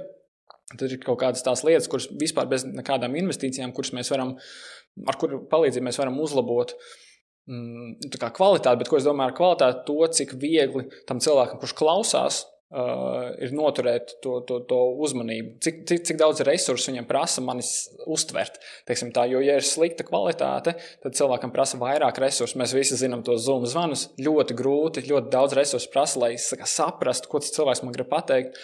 Un beig beigās mēs esam tik nenormāli saguruši, ka nu, tā kā pilnīgi nav jēga. Mm -hmm. Un, uh, tad... tas, tas, ko tu arī teici, jā, ka sliktāka bilde ar, ar labāku skaņu iet labāk nekā otrādi, jo mūsu smadzenēm vajag vēl piedomāt tos vi, skaņas viļņus, un viņam, viņas ļoti nogurst, mēģinot saprast, kas ar to skaņu domās. Tāpēc, jā, Tas, ko saka, makes sense. Mm. Nu jā, tad vienkārši tie, tie, tie bezmaksas tips un triks par, par, par viens ir uzreiz par to gaismu. Tas, ko, tas, ko mēs jau bišķi arī rādījām, viens tas Uzreiz, kā var uzlabot savu gaismas kvalitāti, ir gaismas virziens, tad no kurienes nāk gaisma. Jo mēs bieži vien droši vien paši redzam zūmu zvanus, kur gaisma ir loks ir aiz muguras, un uh, kamerai ir ļoti grūti saprast, kur, kā, kas, kam jābūt gaišam, kam jābūt tumšam. Bet, piemēram, ja man seja šitā izgaismot, tad ir ļoti grūti redzēt to mikromīmiku, vai grūtāk, un, un grūtāk uztvert, uztvert kaut kādu informāciju. Bet, nu, piemēram, ja gaisma ir no sāna, piemēram, te ir lokus, tad arī veidojas tā, ka te ir gaišāks, te ir tumšāks. Bet, principā, tad arī ir tā, ka seja nav baigta labi izgaismot. Un tad, ja mēs pagriežamies tā, ka lokus ir tieši uh, lokus man priekšā, šitā te tad seja ir visvienmērīgāk izgaismota un visvieglāk var redzēt, kā es teicu, visā tās mikromīmikas un, un, un, un tās mazās detaļas. Tāpēc, ja ir iespējams, tad lielākais un spilgtākais gaismas avots ir mūsu priekšā, tad ir kamera un tad esam mēs paši. Tā kā, tad, jā, teicu, Ko tu iesaki gaisa... ar fonu darīt? Likt kaut ko? Skapi? Fonu? Jā, jā. Uh, fonu. Uh, es pēc tam pat, pateikšu arī par fonu. Jā, man ir, es esmu pierakstīju, lai es neaizmirstu, neaizmirstos. Bet tad Gaismas izmērs vēl bija, tad jo lielāks, jo labāks. Tad lokus ir, ir baigi optimālais, jo maziņa gaismiņa būs tāds, zin, tā kā šausmas stāsts, kas stāsta ir tas, ir tas mm. baigi spēcīgās ēnas. Un, un, un, jā, un, un, un, ja tā gaisma nāks no apakšas, ļoti labi šo te uh, dubultzodu ļoti labi redzēt. Nu, nav liels, bet nu, var viņu redzēt. Viņš vairāk izceļās. Tad tas, kas ir spilgtākais, tas arī visvairāk pievērst uzmanību. Ja gaisma ir atkal baigi no augšas, tad tu redzēji, kāds man te veidojās uh, pandas acis. Tāpēc perfektā, jā, dažreiz gaisma ir tieši pretī, ka viņi ir tieši nu, acu augsmā. Tas ir labāk, bet tas nav optimāli, tāpēc ka dabā tā nekad gan izvēle nav. Nu, tā kā saule nekad nav pie horizonta tāda spilgta un tā. Dabā pārsvarā nu, teiksim, tāds, tāds vidusceļš ir tāds, ka tev ir 45 grādu leņķī, tas gaismas panelis ir 45 grādu leņķī, es viņu turu. Un, uh, tas ir tas, kā saule krīt, tas ir tāds dabīg, dabīgais apgaismojums. Un jāuzmanās tas, ko tu arī pat regulēt, gaismas krāsa. Ir īpaši, ja mums visādas spuldzes ir un, un, un, un tā, tad teiksim, tas, kā gaismas krāsa ietekmē to, cik veselīgi vai neveselīgi izskatās mūsu seja. Ir tīpaši, ja mājās ir, piemēram, ja tev spīd virsū dabīgā gaisma, plus mājās ir ieslēgts dzeltenas spuldzes, tad mm, kamera nesaprot, pie kuras gaismas ir jāpielāgojas, un tad mēs bieži vien izskatāmies ļoti neveselīgi. Tā kā, ja ir iespējams, tad viena veida gaisma. Tātad, ja tev mājās ir spuldzītas, un tu izmanto visur spuldzītas, Pacenties, ja viņas ir visas vienādas, tās nu, teiksim, krāsas, temperatūras, siltuma, augstuma, kā, kā, kā, kā, kas viņiem virsū ir rakstīts, viņas ir vienādas, vai, ja tu izmanto dabīgo gaismu, tad pārliecinies, ka, nu, kā, ka tu izmanto tikai dabīgo gaismu, jo pārējais gaismas var vienkārši var, var traucēt. Un tad, um, jā, un tad par kadru, tas, ko tu teici par fonu. Mm. Botāniķu klubiņš. Protams, minimāls, ka es, šito fonu. Mēs vakar ievācāmies studijā. Mums vēl nav, man vēl nav, sat, mums vēl nav, mums vienkārši ir tukša, principā, gan izvēlēt tukša telpa, kurā mums ir galda, viens divāns. Uh, un, un, un man vēl nav, man vēl nav fona. Mans fons pie manas darba galda vienkārši ir balta siena, kas iet pret to, ko es to tam teikšu. Bet, uh, teiksim tā, fonā pirmais, visam, kas fonā ir, vajadzētu kā, vai nu būt neitrālam, vai nu papildināt to saturu, to tempu, par ko tu runā. Tāpēc bieži vien mēs šobrīd arī zūmos redzam, ka fonā atrodas kaut kāds nezinu, plakāts ar, ar kaut kādu multiņu varoni vai, vai, vai bardaks. Un tas, kas notiek, tad, kad tur ir kaut kas liekas, ir tas, kad es tevī klausos.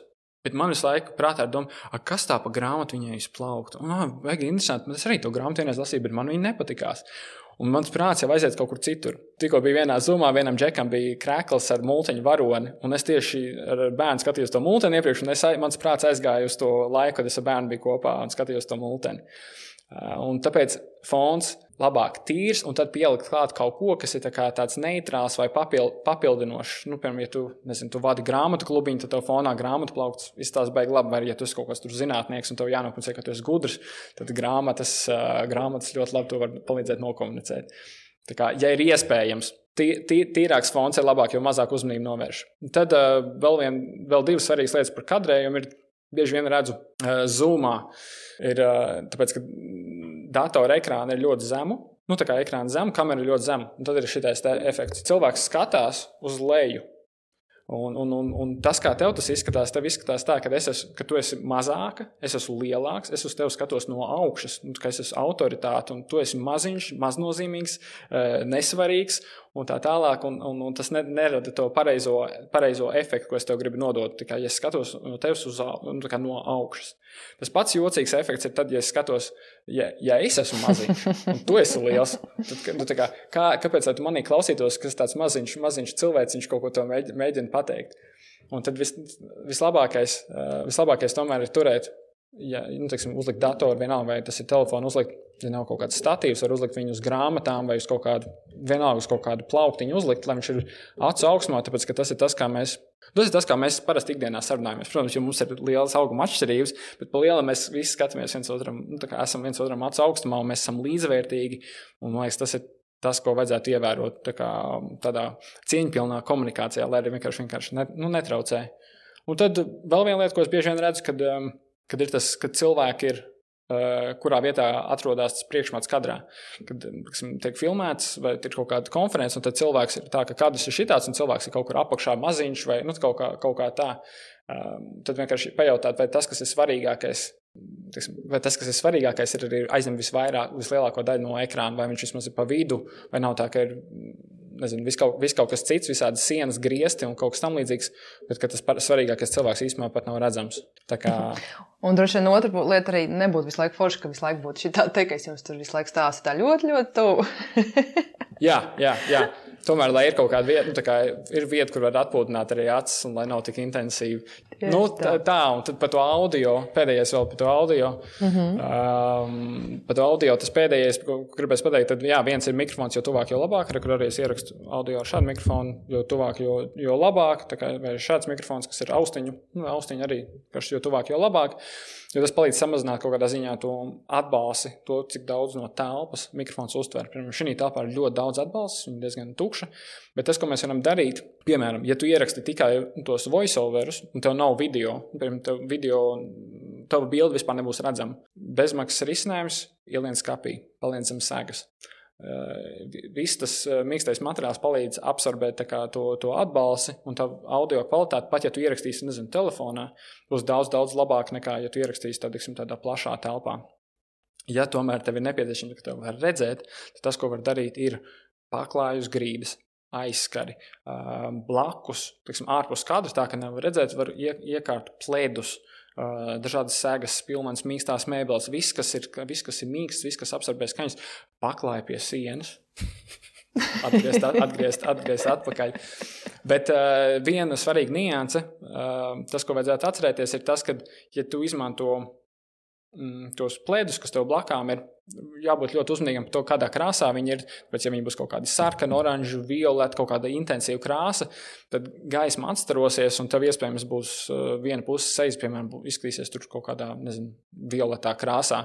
Tā kā, ja, ja ir iespējams, tad tos plēdus segas un, un, un, un, un aizskaras skaties, lai viņi ir kaut kādās neitrālās, beišķīgās, pelēkās, mel, melna absorbē, nu, tā kā gaisma vienkārši jārēķinās balta atstaro gaismu lai būtu neitrālās krāsas, lai to nav jocīgs tur uh, sejas, sejas tons. Nu tā, šitais, es saku, es tagad izskrēju, izskrēju cauri tādām uh, super uh, te, tehniskām lietām, bet tādām lietām, kur jebkurš, es vienkārši pēdējā gada laikā esmu, man ir tāda misija par labākas kvalitātes zūmiem. Un tad šīs ir tās lietas, kuras es zinu, ka var uzlabot, neprasot nekādas investīcijas. Mm, Bet, nu, labi, es domāju, atgriežamies, atgriežamies pie online kursiem. Mm. Jā, par platformām tieši tā. Jo ar tām platformām nāks arī klāt tas jautājums jā, par to, kā es varu aizsargāt savu saturu, un otrs, kā es varu dabūt atgrieznisko saiti. Ja man, piemēram, gribās, lai man cilvēki komentē vai pastāsta, bet man sakot, platformas, jā, video ir samontēts, ar, ir visi kārtībā, kur tālāk man viņu likt šo saturu iekšā. Divi uh, uzreiz tāds, tāds sadalījums dakša. Uh, dakša ir mm, gatava risinājuma, tātad uh, gatavas platformas. Mm, kur, kur, kur, kur lieksim, visa tā sistēma ir izveidota, lai tu varētu izveidot tos video, un lai tu varētu pārdot, un, un, un, un viss tā kā, lai tu, teiksim, ātrie risinājumi, kur tev nav kā, tik liels tas ieguldījums no sākuma. Un tad otrs ir tas paša veidota mājaslapa, paša veidota, teiksim, paša, pats, tu, tu pats uzturi to saturu pie sevis. Viss, viss tā kā atrodas pie tevis.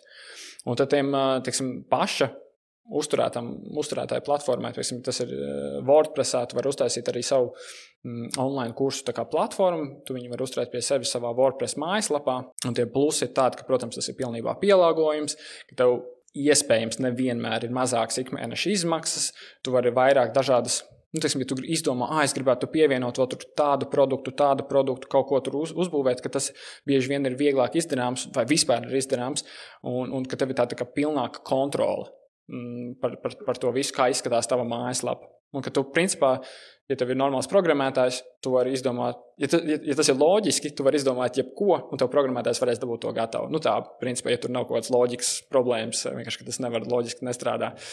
Bet tas mīnus, teiksim, lielākie mīnus paša veidotājiem, uzturētāja lapā ir tas, ka bieži vien tas ir ļoti dārgi no sākuma.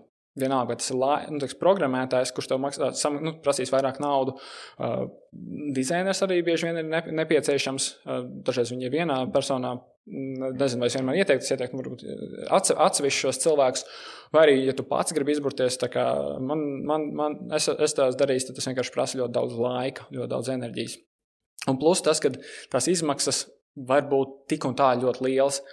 Mm, tev tāpatās tas video saturs kaut kur ir jāhost, viņš kaut kur ir jāuztur. Tur var būt piemēram tāds Vimeo. Uh, YouTube arī var darīt, bet YouTube uzreiz ir visādas reklāmas, un, un YouTube nav diezgan profesionāls risinājums. Bet, piemēram, tāds Vimeo ļoti labs risinājums, bet viņš arī, tev arī katru mēnesi būs jāmaksā. Un man bija viena vien, vien paziņas, kur ir sasniedza, sasniedza tos mēneša limitus, cik viņi drīkst skatīties, un viņiem pateica, ka, lai jūs turpinātu izmantot Vimeo, jums jāmaksā 700 mēnesī. Uh, par Vimeo izmantošanu. Un tas ir Latvijas mērogā, un, un, un kā, tas arī var būt ļoti, ļoti dārgi. Un, un, un, un tas, ka arī kaut kādi tie plugini, ja tu gribi kaut kādu, kaut sarežģītāku risinājumu, bieži vien tev ir jāmaksā par to, ka tas risinājums jau ir izveidots, tu vienkārši samaksā par to, ka tu viņu vari ievietot savā mājaslapā. Tas ir par to, tas ir par WordPress, kā paša uzturēt un paša veidot. Tas variants, kur es ieteiktu lielākajai daļai doties, un lielākā daļa pilnībā pietiek, ir eh, doties jau uz gataviem risinājumiem. Eh, es jau teicu, ka es pieminēšu visas lietas, ko es pieminēšu, būs pēc tam links sigdasimple.com šķērsvītra Diana, un tur arī būs uh, bezmaksas izmēģinājumi. Lielākā daļa, ko es pats izmantoju, es iedošu jums vienkārši linkus, kurus jūs varēsiet arī izmantot. Bet, teiksim, gataviem risinājumiem populārākie divi ir Teachable un Thinkific.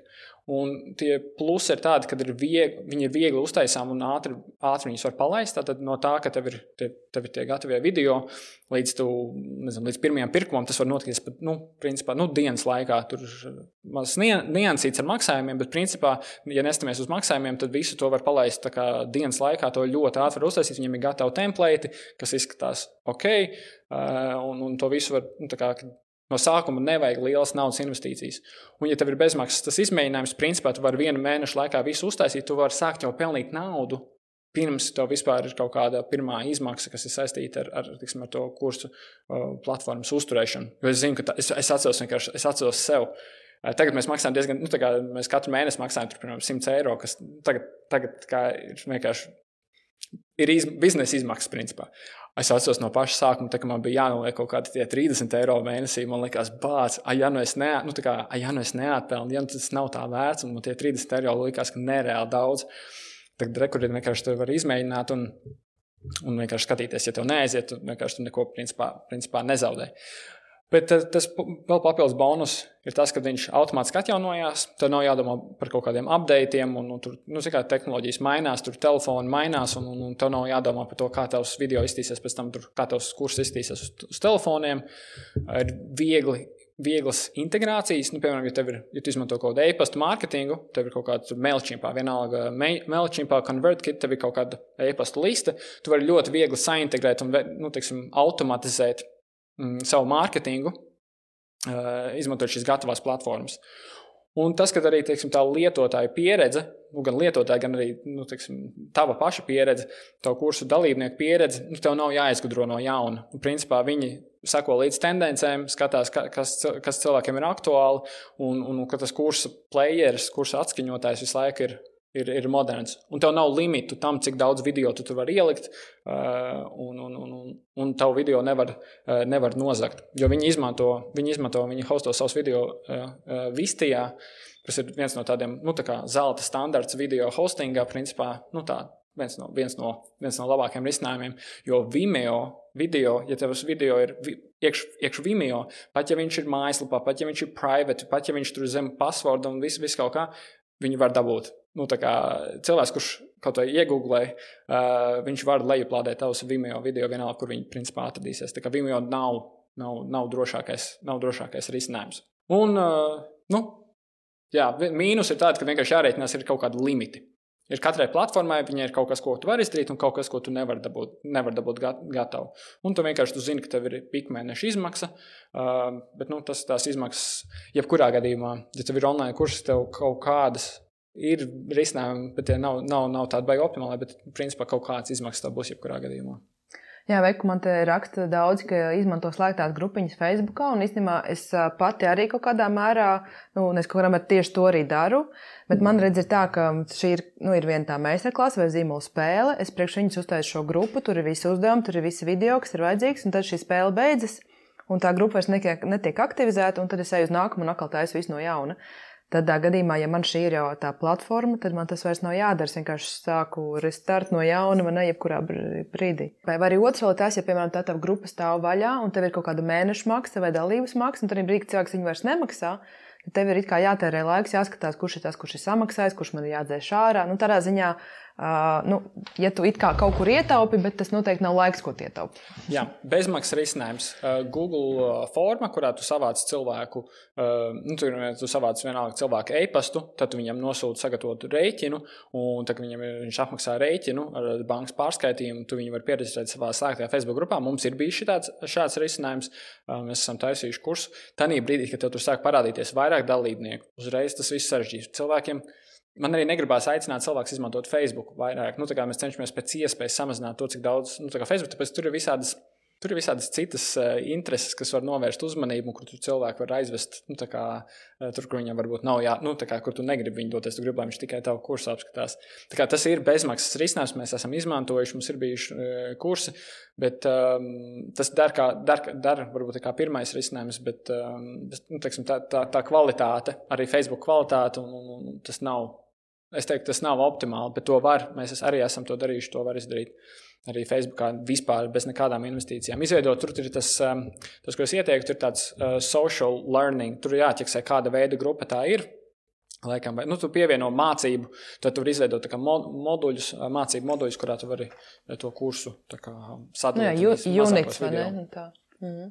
Nu, jā. jo, piemēram, arī kas ir atgrieznisko saiti, nu, tad brīdī, kad notiek man šī, te, nu, es pārdodu kādu nu, meistarklasi, Un tad sanāk, es nevienā brīdī nesatiekos ar, savu, ar savu, tā, savu cilvēku, man nav nekāda ne komentāra, ne atgriezniskā saita.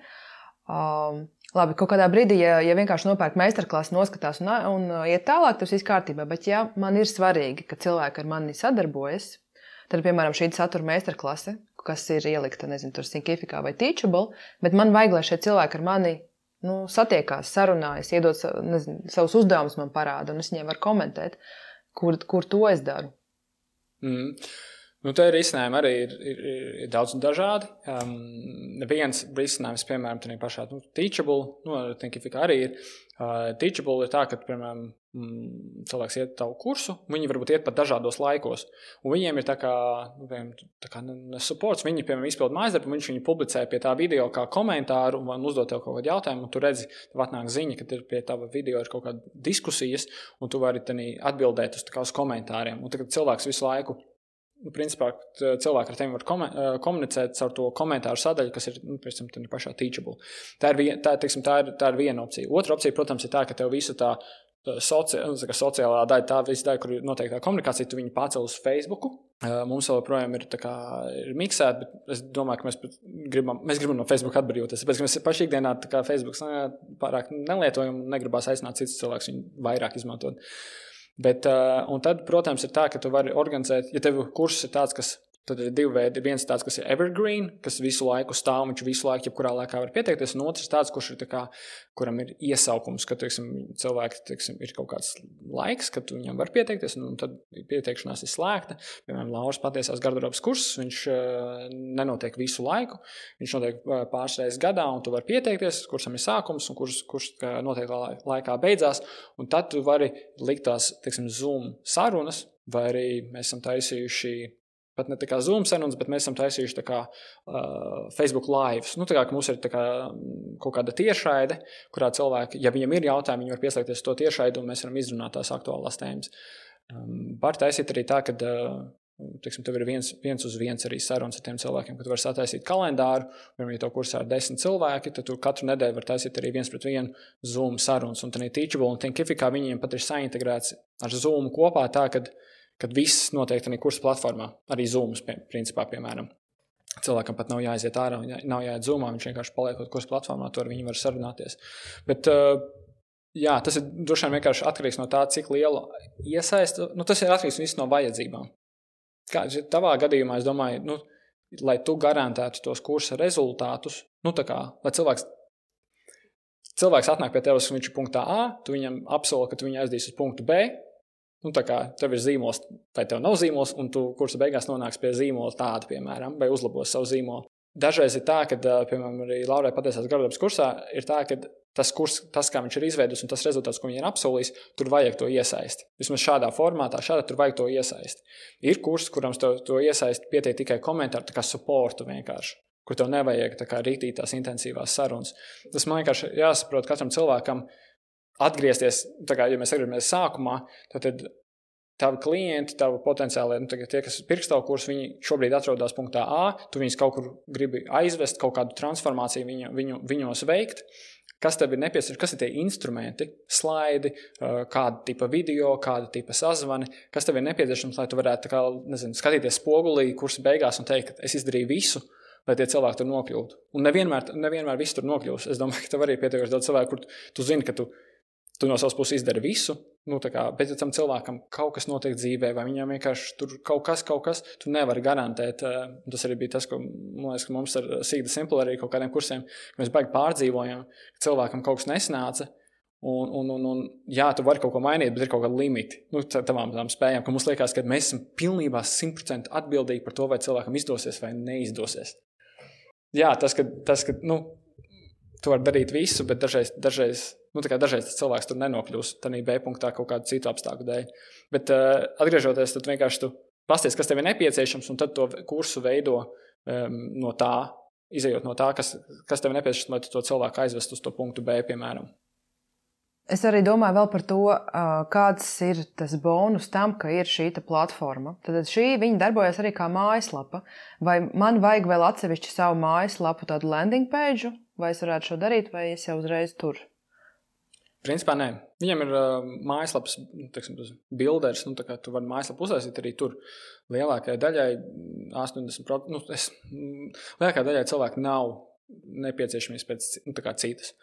Mums, piemēram, mūsu patiesai garderobei, un arī citiem projektiem, ir, ir, ir bieži vien tā, ka, cik man ir tās kaut kādas tās WordPress zināšanas, un mums arī programmētājs pieslēdzās, tad mēs, uz, mēs esam uztaisījuši to mājaslapu tieši tāpēc, ka mēs varam, mums ir lielāka kontrole. Uh, mums ir, mums ir saintegrētas abas divas sistēmas kopā. Mums ir gan WordPress mājaslapa, kas ir kā, un, un, un tad ir atsevišķa kursu platforma. Un viņas var sataisīt tā, ka mums kaut kāda cilvēka teica, ka viņi pat nezināja, ka viņi nonāca citā lapā. Jo tev krāsas ir tās pašas, tur fontus tos pašus, un principā cilvēks. Mm, piemēram, ja viņš ir mājaslapā, kas saucās patiesa garderoba.lv, piespiežot tur mm, login, ienākt, viņš nonāk platformā, nu, viņš nonāk mājaslapā, kurā ir kursi, punkts, patiesa garderoba.lv, un viņš izstāsta, ka viņš ir tādā pašā lapā, tikai tā ir kursu platforma. Tā kā to var, var, var salikt arī tā, bet lielākā daļa cilvēku tas varbūt nav nepieciešams un visu, var savu visu mājaslapu, nu, jāapstāsta arī vienīgais par bloga sadaļām, bet man liekas, ka arī blogu var izveidot arī, arī tādā pašā Teachable, Thinkificā, tu vari visu salikt vienā mājaslapā plus vēl, plus vēl kursus un, un, un, un tā. Mm -hmm. Kas man, mēs pirms tam arī par šo runājām, kas man likās personīgi interesanti, jo man šobrīd ir nu, viena, nu, maksimums divas meistarklases, ko es varu ierunāt. Un, protams, uz šī es noteikti varu nu, uzspiest un marketēt, un noteikti tos 50 eiro mēnesī arī savāks par šo te. Bet uh, man liekas, nu, ka viņš ir pa īsu par tā, par, nu, priekš tā satura. Un tad man bija doma tāda, ka es varētu savu. Mm, mācību platformu atvēlēt arī citiem lektoriem. Ka pie manis par manu tēmu, teiksim, zīmols vai biznesa ir radošs, citi lektori ir ierunājuši arī savas lekcijas. Un tas, ko tu teici, ka to var arī atrisināt, ka tā platforma ir atrisinājusi arī to, ka ir tas affiliate, ja, ja es pareizi saprotu, ka tā platforma pati uzskaita, cik reizes ir pārdevies kāds cits kurs, un attiecīgi arī var norēķināties ar citiem tiem lektoriem. Tā bija. Jā, jā tur jā, pri, principā, jā, tu, jā, tu pareizi pateici, bet, kā, ja, tā, ja tas kurs ir, ir, ir uzturēts tavā platformā, nu, teiksim, tev ir, nezinu, Diana vai tur vienā zīmols LV, uh, eh, tur ir tavi kursi. Un tu esi kā viens instruktors. Eh, teiksim, Thinkificā tu, pier, tu esi instruktors numur viens, un tad, piemēram, ja tev ir kāds cits mm, cilvēks, kurš piedāvā citu kursu, viņš ir tavā platformā, viņš ir instruktors divi. Un tu vari sadalīt tā, ka principā pat tie nu, automātiski, ka tu redzi, cik eh, cik lielu daļu no tās naudas, kas teiksim, tiek pārdotas par nu, kursu divi, saņem instruktors. Tas instruktors, kas viņu ir uztaisījis, un cik lielu daļu saņem, saņem tu, piemēram, to, to var izdarīt. Bet tas tieši par tiem eh, afiliētu linkiem, tas ir tā, ka, principā, ja man ir, nu, es, piemēram, uztaisu savu kursu, Un, eh, nu, vienalga, piemēram, tu, tu teici, uztaisīt kursu par uh, to, kā taisīt online kursus. Un man tāds kurs, man, man tāds kurs ir, viņš ir manā Thinkificā, un, un tas ir mans. Uh, es varu tev abos divos Teachable un Thinkificā ir affiliate programmas principā. Es varu iedot tev specializētu tev pielāgotu saiti, kuru tu ieliec iekšā savā Instagram, savā, savā, savā mājaslapā. Un, un, un cilvēks, kurš, ja kāds no taviem sekotājiem uzklišķina uz šīs saites un iegādājās manu kursu, es varu noteikt to, ka, piemēram, cilvēki, kas nāk no dienas, saņem piemēram 30% no, no, no mana apgrozījuma. Nu, tieši, tieši kas nāk no dienas. Un tādā veidā, principā, tu vari izveidot nu, mārketingu, nu, mārketinga komandu, ko Latvijā neviens baigi daudz nedara. Mēs arī paši neesam, es pats arī neesmu iz, tiksim, to, to, to darījis, bet tu vari izveidot arī tiksim, to afiliētu. Um, es nezinu, kā, kā, kā viņi pat latviešu saucās afiliētus, bet tu vari izveidot savu afiliētu tīklu. Uh, ka, principā, tev ir nu, trīs blogeri, kuri, kuri ir izgājuši tavu kursu. Viņi uzraksta bloga rakstus, ja kāds no viņiem lapas nākot nopērkt, tad viņi saņem savu kaut kādu, savu kaut kādu daļu. Tur, protams, ir jāskatās par nodokļiem un tā, jo, nu, tāpēc, ka tie pārskatījumi ir PayPal un, un, un, un, un jāskatās, vai viņi, nu, tas gan, nu, jāskatās, vai tiek samaksāt nodokļi, tas gan. Mm -hmm. Jā, ok. Nē, vienkārši iedomājos, ka varbūt tiem, kuriem ir tikai viena lekcija, varbūt viņi grib, nu, vai tas tā kā viņiem liekas, ka ir par īsu, tad var taisīt tādas tā apvienības, grib par kaut kādām tēmām, tur viens mm -hmm. par uzturu, otrs par fiziskajām lietām, ceturtais tur par meditāciju, vēl kaut ko, un tad veidot tādu kā kopu, un tu nevis viena par to runā vai viens, bet tev ir tāda tā kā, nu, grupiņa ar saturu. Bet tā, mēs pieskārāmies arī tikko jā, tai administratīvai pusē par to, lai es šo te darītu. Uh, Mēs neiesim tur dziļumā, bet ar grāmatvedībām un nodokļiem. Nu, mans uzskats ir, ja mēs pelnām, tad mēs arī attiecīgi maksājam nodokļus. Mēs, tas, tas viss ir reģistrēts un tas neiet nekur, nekādos pelēkajos maciņos. Līdz ar to tas ir katra atbildības. Tās ir lietas, kas ir jāizrunā ar grāmatvežiem, kā jūs to darat. Es domāju, tālāk mēs pat tur neiesim dziļumā. Bet uh, viss, ko jūs saņemat, vienā brīdī kādam var rasties par to interesi, un to kādu sauc VID. nu, principā, principā es arī gribēju teikt tā, ka jā, ar PayPal līdz kaut kādai naudas summai tur var muhīt kaut ko, bet principā vienalga, ko, kā, ko dari, ja tu gribi pieņemt maksājumus ar kartēm, tad tev ir jāreģistrē savus uzņēmumus, jāreģistrē, piemēram, Stripe, kas ir maksājumi, kas apstrādā tos maksājumus. Nu, Tur, man liekas, pat baigi daudz, pat, ja gribētu, nevarētu vienkārši. Principā tas ir oficiāli tev jāiesniedz uzņēmumu, uzņēmumu vai arī teiksim, nodokļu maksātāju visi numuri. Viņi tev pārbauda, un, vai tu esi īsts, īsts cilvēks. Un, un, un, Tā kā, tur tā sistēma, sistēma ir diezgan sakārtota. Un, un, nu jā, un maz, ka viņi arī nu, strādā mūsu labā, un līdz ar to no ienākumiem ir jāmaksā arī nodokļi, un tas ir vienkārši by default. Tā kā tur vispār Un tas, ko es gribēju, jā, tas arī, ko es gribēju teikt, tas viens no iemesliem, kāpēc tiksim, online kurs, kāpēc ir kaut kādā ziņā pievilcīgi, ir tas, ka ir, ir īpaši, ja teiksim, tev nav tā tava iesaiste, tādos Zoom zvanos, tad ir, ir tā no ekonomikas, e, ekonomikas skatu punkta. Um, ir ļoti zemas mainīgās izmaksas. Tas nozīmē, ka tev ir kaut kāds nu, teiksim, fiksēts izmaksas, kas tev ir kursa uzfilmēšana vai kaut kāda nu, tehnika, tu iegādājies tehniku, un tev ir kaut kāda vai, nu, teiksim, amortizācija jāmaksā par to tehniku. Bet, piemēram, katrs nākamais uh, students tavs. Tev ne, nepalielina izmaksas. Jā, tev ir kaut kāds kredītkaršu, nu, kredītkaršu transakcijas maksas, kas tur ir kaut kāda pāris eiro, varbūt pāris procenti. Bet, principā, tu vari uzfilmēt kursu, un, un, un, un, un tavas izmaksas stipri nepalielinās to, vai tavu kursu paņem 100 cilvēku vai 1000 cilvēki. Tādā ziņā online kurs ir diezgan pateicīgi, un, un, un, un tad arī nav tā, ka ļoti mazas, ļoti maza tiksim, peļņas marža. Kad mm. tie mārģiņi parasti, parasti online kursiem ir ļoti lieli. Protams, tur ir mārketinga izmaksas arī lielākas, bet nu, mārģiņas parasti ir lielākas online kursiem nekā tādā pērku pārdodu biznesā. Nu, re, un te mēs nonācām arī pie tās labās tēmas par to, kā, kādu noteikt cenu savam kursam.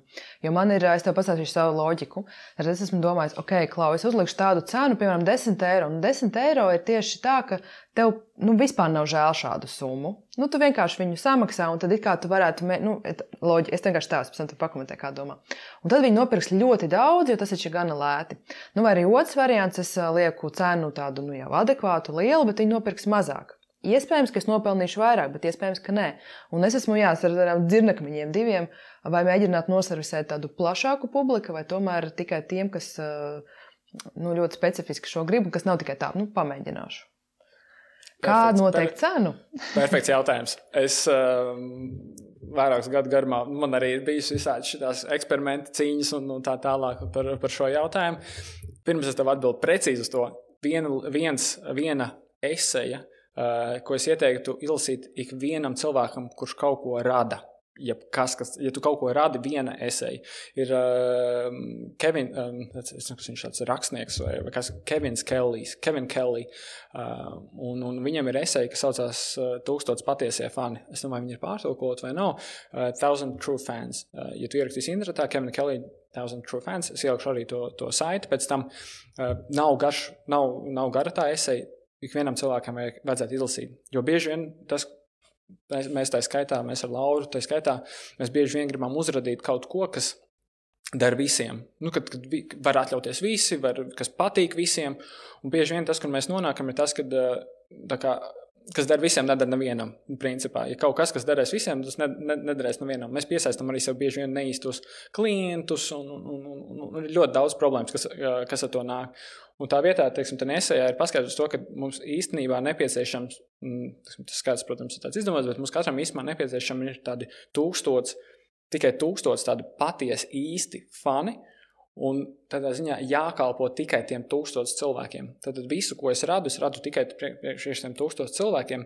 Jo, ja tu vari atrast tūkstošus cilvēkus, kas no tevīm, nu, kas būs tādi karstākie fani, un taisīsi visu nu, tieši, lai patīk viņiem, nevis lai patīk visiem, tad tev, principā, ja tev katrs no tiem cilvēkiem viena gada laikā, nu, katrs no tiem cilvēkiem katru gadu nopirks no tevis, tev, tevis kaut ko 100 eiro vērtībā tad uh, tavs gada apgrozījums būs 100 tūkstoši eiro. Kas jau tā kā, kas ir, nu, 100 eiro no cilvēka gada laikā neliekas nekas daudz, ja tu tam cilvēkam piedāvā vērtību un, un, un, un, un, un tiešām viņam ļoti, ļoti, ļoti palīdz. Uh, tas, nemaz nav, tas nemaz nav tik daudz, tas nu, 9, 9 eiro, cik tas nāk, 9 eiro mēnesī. 9, 8, 9 eiro mēnesī tas nav tik daudz. Ja tam cilvēkam katru mēnesi piedāvā tiešām ļoti augstu pievieno, pie, pievienoto, pievienoto vērtību. Un tādā veidā, um, domājot un radot priekš tiem cilvēkiem, mēs varam izveidot kā, nezinu, tādu ilglaicīgāku, noturīgāku to biznesu. Jo viena lieta, ar ko mēs saskarāmies ar Sigma Simple, mēs uztaisījām tādus kursus un, un, un lekcijas. Mēs uztaisījām kaut ko, kas ir ļoti lēts. Un mums nopirka ļoti daudz cilvēku, kas ir ļoti, ļoti priecē. Bet, tad, kad tu pārdod kaut ko par 10, pārdod kaut ko par 10 eiro, no tā tu vēl nomaksā nodokļus, un uh, nomaksā visas tur platformas izmaksas, un tā tad beig, beigās ir tā, ka tev nemaz tik daudz tie eiro nepaliek, nepaliek pāri, un tu esi saviem tūkstošiem, piemēram, cilvēkiem, tu esi pārdevis kaut ko par 10 eiro, tu nopelni tos 10 tūkstošus, bet tev vairāk nav tie fani, nu, tā kā tev nav vairāk tie fani, tev nav vairāk, nav vairāk viņiem, ko, nav vairāk arī viņiem, ko radīt. Un tāpēc, ja tu vari uztaisīt kaut kādu, pēc tam pastāstīšu arī par to, par to, par to cenu, bet ja tu vari uztaisīt kaut ko, kas ir, teiksim, dārgāks, vērtīgāks un, un, un tieši priekš tiem tūkstošiem cilvēkiem, tad tu, teiksim, ilgtermiņā vari nopelnīt. Jā, tu varbūt pārdos 100 tikai produktus, bet, ja tas, būs, ja tas produkts maksā 100 eiro, tad pārdos 100 un nopelnīs tikpat, un pārējie 900 vēl joprojām paliek kā tev potenciālie klienti. Tu, ne, kā, tu neizstriec, neiz, neizdeji cauri visiem uh, klientiem, tāpēc, ka tu vari piedāvāt kaut ko arī par vienu eiro, un visi nopirks. Beigās arī tie, ja tu pārdod par zemāku cenu, tad arī pastāv augstāks risks, ka tie cilvēki neizdarīs, viņi nesasniegs rezultātu, un viņi nebūs apmierināti. Viņi ies un teiks, ka tā, tas kurs nebija, nebija, nebija tik vērtīgs. Mm -hmm. Tas okay. ir rēns. Nē, bet vienkārši tāpēc, ka man, es patiešām ļoti daudz redzu, ka cilvēki pa zemu novērtē, pa zemu novērtē savu darbu. Un tāpēc, kad es skatos uz to platformas izmaksu, kas ir 50 eiro mēnesī, es domāju, bāc, ja tu tiešām ja tu tiešām radi kaut ko tādu, kas cilvēkam uzlabo viņa dzīvi, viens ir uzlabot dzīvi, vai otrs, kas palīdz viņam nopelnīt vairāk darbā. Nu, kā, tu vari, nu, kā, mēs varam par to prasīt. Man liekas, mums Latvijā vēl joprojām ir tāds, ka, ah, nu, kas, ir, nu, kas ir tā summa, ko cilvēki nesūdzēsies, ka dārgi. Nu, kā, tas ir tas, kur mēs tēmējam. Ja man neviens neuzrakstīs, ka, ka, ka pa, pa dārgu, tad es esmu pareizi cenu ielicis. Nu, jo mums negribās apbēdināt, kādu negribās kādu sadusmot un, un, un, un, un, tā. Tas man, man liekas, tas no pašas personīgās pieredzes, ko es esmu darījis, kā mēs esam skatījušies, kas ir tā kā, nezinu, lielākā summa, ko, ko es par šo varu paprasīt, lai nevienu neapbēdinātu. Jā, tas ir uh, good point. Tas, kā, protams, uh, var apiet šo iespējams, ir veidot kaut kādus papildinošos produktus, nu, ka, piemēram, uh, Man ir lekcija, kas maksā tik, bet, ja tu vēlēsies, piemēram, viņu nevis klausīties, bet uh, izlasīt, vai dabūt tikai kaut kādas darba lapas, tad tu vari piepirkt klāt, nezinu, tur par 10 eiro tās darba lapas. Vai ir kaut kāds viens kurs, kas ir kaut kāda nu, mazāka, tur īsāka versija vai par kaut kādām citām tēmām. Nu, es vienkārši domāju, tagad arī skaļi, kā tas ir, kā varētu nu, kā diversificēt. Uh, Un, un otrs, protams, ir arī tas, ka tu vienkārši pieliec klāt sev nu, cenu ar to, ka tu pats esi arī klātajā kursā, piemēram, tā, kad ir konkrēts sākuma laiks. Jā, tu pat nu, saki tās divas lietas. Nu, saki ļoti labi, ka tu pateici. Viens par to dalīt vai ņemt kaut ko no kursa, to var darīt. Bet tas, kas ir nu, vienkārši tas, par ko ir jāpārliecinās, ka tu vēl joprojām delivero un kā, uz, par to rezultātu. Vai nav tā, ka, piemēram, piemēram, mēs vēl neesam atraduši teiksim, patiesās gardrobas kursam, mēs vēl veidojam. bet mēs vēl neesam atraduši variantu, kā tas kurs varētu strādāt bez lauras iesaistas. Un kamēr, kamēr mums tas nebūs gatavs, kamēr mēs nebūsim pārliecināti, mēs nepiedāvāsim viņu kā ar lauru, bez lauras. Nē, vienkārši, lai viņš lai varētu iedot to rezultātu, un tu tur nokļūtu, ir nepieciešama tā iesaiste. Tā kā, ta, ta, tas, tas, tas ir viens, nu, tas ir tas. Un otrs, tiešām ļoti labi, ka tu pateici, tajā brīdī, kā ir tava iesaiste, Jo nu, kā, tam kursam jāmaksā tiešām daudz vairāk nekā, teiksim, tad, kad tava iesaist, tava iesaist, tavas iesaistas nav. Tāpēc, ka tavs resurss, tavs laiks, tas ir, nu, tas ir ne, nu, tu nevari atgriezt to. Un, un, un, tas, ir, tas ir daudz dārgāks nekā, piemēram, ja tu uzfilmē kursu un viņš vienkārši tur stāv, viņš dod vērtību, bet viņš tev nav vairāk, principā, tu vari pilnībā automatizēt visu mm, procesu un tev tur nav jāiesaistās, tad, protams, tas kurs var maksāt, protams, ka viņš var maksāt mazāk. Bet vienkārši jāskatās, jāatcerās, ka ir ļoti daudz mīnusi, uh, kas nāk ar, ar 10 eiro kursiem. 10 eiro kursiem, kurus mēs nopērkam, neizpildām un beigās. Nu, nevienam nav iegūms. Un, ja, tu, ja, ja tavs kurs maksās vairāk, tad tu varēsi Nu, tā kā tu varēsi, nezinu, tu varēsi vairāk iedot, nu, tā, tādā ziņā, tā, ka tev pašam būs lielāks entuziasms un pašam lielāka kā, tu būsi pašam arī lielāka motivācija darboties. Un man liekas, ka ļoti labi nu, Elīna Pelčera. Uh, kopējā draudzene Elīna Pelčera, tas, ka, tas, ko viņa arī vienmēr, nu, kā, ko es no viņas arī iemācījos, ir nevis skatīties to, ka, ok, es varu uztaisīt tādu kursu, un kā, cik ir maksimums, cik es par šo varu prasīt. Elīna vienmēr kā, cenšas atgādināt, skatīties no otras puses, cik daudz es gribētu nopelnīt, un pēc tam kādam jābūt produktam, kādam jābūt tam pakalpojumam, kas kā, ne tikai kā, attaisnotu pa nulēm to, to, to, to, to investīciju no cilvēka, bet, piemēram, attaisnot reizes desmit. Nu, piemēram, ja tu taisi online kursu par to, kā nezinu, Elīnai kurs, kā nu, teiksim, pārdošanas kursu, viņš maksā kaut kāds 170 eiro, bet viņš ir dārgāks, tāpēc ka Elīna zina to, ka, ja cilvēks uztaisīs to kursu, viņš izdarīs tos, viņš izdarīs tos uzdevumus, viņš tā kursa varbūt pat kursa laikā, vai pat tās kursa beigās, viņš uh, varēs nopārdot, piemēram, kaut ko par 1700 eiro. Vai viņš varēs palēnāt savu biznesu par 1700 eiro. Un viņš būs to jau desmit reizes atgūst to savu investīciju jau kursa laikā. Tā kā, tāpēc es teicu, ja tavs mm, kurs ir kaut kas, kas ir īpaši palīdz biznesam, un tavā gadījumā tas ir, un tev ir kaut kādi nu, case studija, tev ir kaut kādi pierādījumi, ka cilvēki, kas reāli izdarot tos savus uzdevumus vai nu, izjūt to kursu, ir palielinājuši savu pārdošanas apjomu reizes desmit tu reāli vari, nu, tu reāli tev ir viss, vis, visas tiesības eh, kā, prasīt, nu, kā, prasīt to investīciju arī, arī, arī daudz lielāk, jo tu tiešām vari nu, palielināt cilvēku ienākumus. Un tavā gadījumā es zinu, ka tas nu, kā, reāli. Reāli, tā arī ir. Nu, tā, nu, kā reāli, tu palielini cilvēku ienākumus, un tad brīdī, tāpēc es teicu, var nodalīt divus. Ir viens tāds, kas tev ir hobijs, kas ir kā, nezinu, aiziet uz kino, noskatīties tur kursu par Tad ir pašā masterclassā nostīties kursus par to, eh, nezinu, par kaut kādu pavārs vai nu, nezinu, kaut kādas, varbūt kaut kādas lietas, kas varbūt nav tādas, kas tev nepalīdz nopelnīt vairāk. Un tad ir kursi, kas ir reāli pārdošanas, tur online marketing kursi, eh, nezinu, vienalga šāds sarunas, kas var palīdzēt tev nopelnīt vairāk. Un tur jau, ir, saku, tur jau ir ļoti maz tie limiti.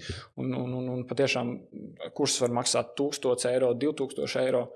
Ja tu zini, nu, tas ir varbūt ilgākā laikā, bet tu zini, ka tu cilvēkam nodrošinās to, ka viņš nopelnīs 10, 20 tūkstoši piemēram, no tā tā kursa. Jo jā, es, es, piemēram, pati šobrīd uh, eju kursu, kas maksā 140 eiro. Plus, vēl, kas ir vēl interesanti lieta, ka tad, kad uh, tu pārdod to kursu, tu vari arī kaut ko vēl piepārdot klāt. Tur jā, to individuālo sarunu, vai vēl kaut kādu PDF materiālu, vai vēl kaut ko tādu. Sakot, beigās tas var izaugt arī lielāks un tur nopelnīt arī uz tiem papildu produktiem, kas ir viens. Bet uh, otrs, jā, man, man ir uh, viens pazīstams cilvēks, kas šobrīd uh, iet kursus, kas maksā 9000 eiro. Un tas, ir tā, un tas ir uz trīs mēnešiem. Un, liekas, kas tas vispār ir par ciparu, bet tas apsolījums ir, ka šo kursu beigās tu varēsi savus ienākumus, to, ko tu nopelni gadu laikā, tu varēsi nopelnīt mēnešu laikā. Un tas saprot, ka tur, nu, kā tā nauda atmaksājās. Līdz ar to es arī uzskatu, ka cenas veidošanai ir ārkārtīgi svarīgi saprast, kas ir tas, ko beigās cilvēks varēs no tā dabūt ārā. Vai tas būs jātikā, nu, tāpēc, ka viņš labi jutīsies, vai tāpēc, ka viņš tiešām varēs audzēt savu biznesa apgrozījumu, no, vairāk nopelnīt, un tad, attiecīgi, jā, tas outcomes arī var to cenu noteikt. Bet, nu, cik, paldies, jā, tu man. Jo, jo cik maksā, es saku, cik maksā, nu, es, es neesmu baigi sekojis līdzi, bet cik maksā MBA, piemēram, universitātē? Un cik maksā tādas, tiksim, kaut kādas programmas, protams, tu dabū certifikātu, un tas ir kaut kāds, nu, tu signalizē darba devējiem, ka tu esi. Bet arī tagad online kurs paliek populārāk, un arī ar online kursu iziešanu, ja tu izēji kādu prestižu online kursu, piemēram, Setam Goldenam ir, uh, es pats neesmu gājis, bet Alta MBA krūts kurs, un tiešām es tiešām ticu, ja cilvēks iziet to kursu, viņš iemācās to, ko varbūt viņš universitātē četru gadu laikā, varbūt pat neiemācītos. Un darba devējs, kurš teiksim, zina to cilvēku un zina to kursu, viņš varbūt pat vēl vairāk novērties nekā, ja viņam būs maģistrs no, nezinu, no kādas teiksim, sliktākas universitātes. Un vēl, vēl, vien, vēl viens teiksim, tāds par to, par to cenu, tas, ko tas, ko mēs, protams, nevaram te iet iekšā, tāpēc, ka man vajadzētu tā afeli, kur es rakstu par conversion reitiem un, un, un cik lielai jābūt tavai auditorijai, lai tu varētu nopelnīt summu X. Uh, bet, bet viena lieta, tas ko, tas, ko es ļoti gribētu iedrošināt cilvēkus, ir par naudas atgriešanas garantiju. Uh, tas ir viens no spēcīgākajiem instrumentiem. Man, money back guarantee, piemēram, 30 dienas. Tur. Tas ir viens no spēcīgākajiem instrumentiem, kas ir bailīgs, bet tas ir viens no spēcīgākajiem instrumentiem, kā atbrīvoties no lielākā bubuļa uh, telpā. Jo lielākais, tāds, lielākās bailes cilvēkiem ir par to, ka es lieku iztērēšu naudu. Es nopirku kaut ko, man nederēs, un es būšu pakāsis naudu uz kārtēm kaut kādiem online kursiem. Un tas ir tas, kas lielāko daļu no cilvē, cilvēkiem attur. Pat ja viņš zina, ka būs kā, man to vajag rīktīgi vērtīgi, bet vēl pazaudēt to naudu. Tīpaši tur, nezinu, ja tās naudas summas varbūt ir varbūt arī lielākas, bet arī par 10 eiro pat bieži vien tā ir. Un tad um, tas ieguvums ir tāds, ka jā, vairāk cilvēki uzdrošināsies nopirkt to tavu kursu. Uh, tas ir viens potenciālais ieguvums. Un tad, ja tu kaut kādā brīdī sapratīsi, uh, tā kā tu noņemsi no riska no, viņiem nost, bet ja tu kaut kādā brīdī sapratīsi, ka tev sāk baigt daudz cilvēku atteikties, tas nav slikti. Jo beig beigās ir tā, ka Tu viņam atdod naudu, viņi nepazaudē to naudu, viņi neiet pa pasauli, nesaka, ka tur man es pazaudēju tur un tur naudu tu vari iegūt ļoti daudz informācijas. Viens ir tas, ka tu vari saprast, ka tavs mārketings iespējams neatbilst. Nu, piemēram, ka tavs, tavā mājaslapā, tas, ko es teicu, tev ir punkts A un punkts B, varbūt viņi aizved uz kādu foršu C, bet tas nav B. Tā kā tas tu neaizved viņu tur, kur tu biji apsolījis. Viņa aizved, aizved citā foršā vietā, bet tas nav tas, kur tu biji apsolījis. Varbūt tas man tā gadās. Bet tas ir man cilvēki, kas ir priecīgi. man arī. Es to saku, mēs es šitās visas lietas stāstu arī vienkārši tik daudz, esam, nu, kā tik daudz ko. Es saku, mums tagad patiesās gardrobas kurs ir tāds pamazām, kur jūs tā kā jūtos, tā kā, jūtamies tā kā mazliet tā kā pārliecinātāk. Bet ar iepriekšējiem tiešām tik daudz visādas kļūdas, visādas, visādi, nu, fuck up. Ne, man, man pat ne tā kā kļūdas, ar diezgan lepnumu var teikt, ka pie manis var dabūt B un beigās arī vēl C. Bet, uh, un, un, un, un tas ir viens, tā kā, kad varbūt tā auditorija neatbilst. Es zinu, ka Elīnai ļoti, Elīna ļoti forši es domāju, pie tevis arī runāju par to, ka bieži vien, kā, kad ir, ir Rīmī, super, ne, ka tur bija superneto Rīmī, un tad ir Stokmans un MC, un ka bieži vien, ka mēs pārdodam nepareizajai auditorijai, un, un bieži vien arī, teiksim, tā cena. Uh, kad tā cena var signalizēt nepareizu autoru. Ja es esmu pieredzējis iepirkties MC, es ne, kā, tur, un man kāds piedāvās superneto cenas, es neticēšu. Es neticu, ka, kaut, nu, kā, ka, ka tas ir labs. No otras puses, augstāka cena atkal var signalizēt, nu, tiksim, augstāka cena var signalizēt, uh, ka tā ir arī labāka kvalitāte. Un tad otrs variants, piemēram, ja tiešām daudz cilvēku atsakās, ir tas, ka tā vienkārši tā kvalitāte neatbilst tai, tai, tai, tai cenai. Un tu vienkārši tu vari atdot naudu, uh, mierīgi gulēt naktī un, un, un, un tad pielāgot. Bet tas, protams, ir tiksim, tā naudas atgriešanās garantija liela strādā tad, ja tev nav baigi lielā tava iesaiste. Es domāju, ka tam džekam, tur par tiem 9000, es domāju, ka viņi nepiedāvā naudas atgriešanās garantiju, jo visticamāk, tur ir ļoti liela ļoti liela iesaiste. Nu, tā kā viens uz viens, piemēram, ļoti daudz darba. Un, un, un, un, tā, un, un cilvēkiem, es saku, man nav datu par Latviju. Eh, mums, tiem produktiem, kas mums ir bijuši, ir nu, kā, ļoti maz. Man liekas, viens, divi, divi cilvēki nu, ir paprasījuši naudu atpakaļ. Un, un, un, un, un, ja pasaulē skatās, tas, ko es esmu skatījis, nu, tiksim, klausījies dažādās konferencēs, uh, atkarīgs no valsts. Tie var būt 10%, 20%, Amerikā varbūt pat līdz pat 20%, bet kaut kādā Japānā pat zem 5%. Un es ticu, ka Latvija, visticamāk, zinot lat, latviešu to, nu, tādu. Es jau neiešu, neiešu, tad visticamāk, tas varētu būt arī pat zem 10%, pat pie ļoti agresīvas mārketinga un ļoti plašas agresīvas mārketinga stratēģijas, ka tas varētu būt salīdzinoši mazs tas procents, cik cilvēku paprasa naudu atpakaļ. Tas ir tāds win-win kaut kādā ziņā, uz to var tā arī skatīties. Super forši. Par šo mēs arī vēl parunājuši esam. Un vēl viens jautājums, kas ir no oficiālās sadaļas, un tad paskatīsimies, kas mums tur vēl sanāk freestēlā. Vienmēr sakot, nu šī ir meistarklase, latviešu, es varu izrunāties, un viss ir forši. Un tajā brīdī, kad es varētu gribēt iet starptautiskā arēnā, un man ir šis te ārkārtīgi brīnišķīgais Latvijas accent, when I speak English. Un ko man ar to visu darīt, un kā publika otrā pusē um, Vai tev ir kaut kādas idejas par to, ko darīt uh, latviešiem, uh, krieviem, frančiem, kas vēlās pasniegt ārzemju saturu, ārzemju klientam saturu? Ļoti labs jautājums. Vienā vārdā nē. Bet man ir kaut kādas idejas, kā uz to skatīties. Nu, saku, mēs, mēs ar Lauru abi esam mācījušies Amsterdamā, Austrālijā. Mēs esam ārzemēs ļoti daudz mācījušies. Un, un mums ir salīdzinoši, mēs par to nejūtamies. Kā, nu, kā nejūtam Tāda varbūt to, to, to, to spēja, bet nu, redzēsim. Mums ir plāns ar patieso garderobu uz rudens pusi. Es neesmu, nav publiski neviens pateicis, Laura, es tev publiski pasaku. Um, jā, bija paredzēts, ka uz rudenī palaist uh, anglisko versiju, tiksim, YouTube kanālām.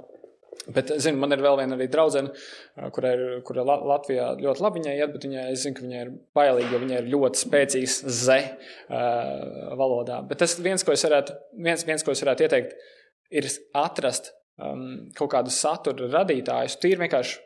Jo tas, nu, ka tas ir galva. Protams, ka tas strādā. Protams, ka, ja tu esi native speakers, tad tev nu, tas iedod, ja tev ir britu akcents un brillītis, tad, protams, ka tu zini vairāk, ko tu runā.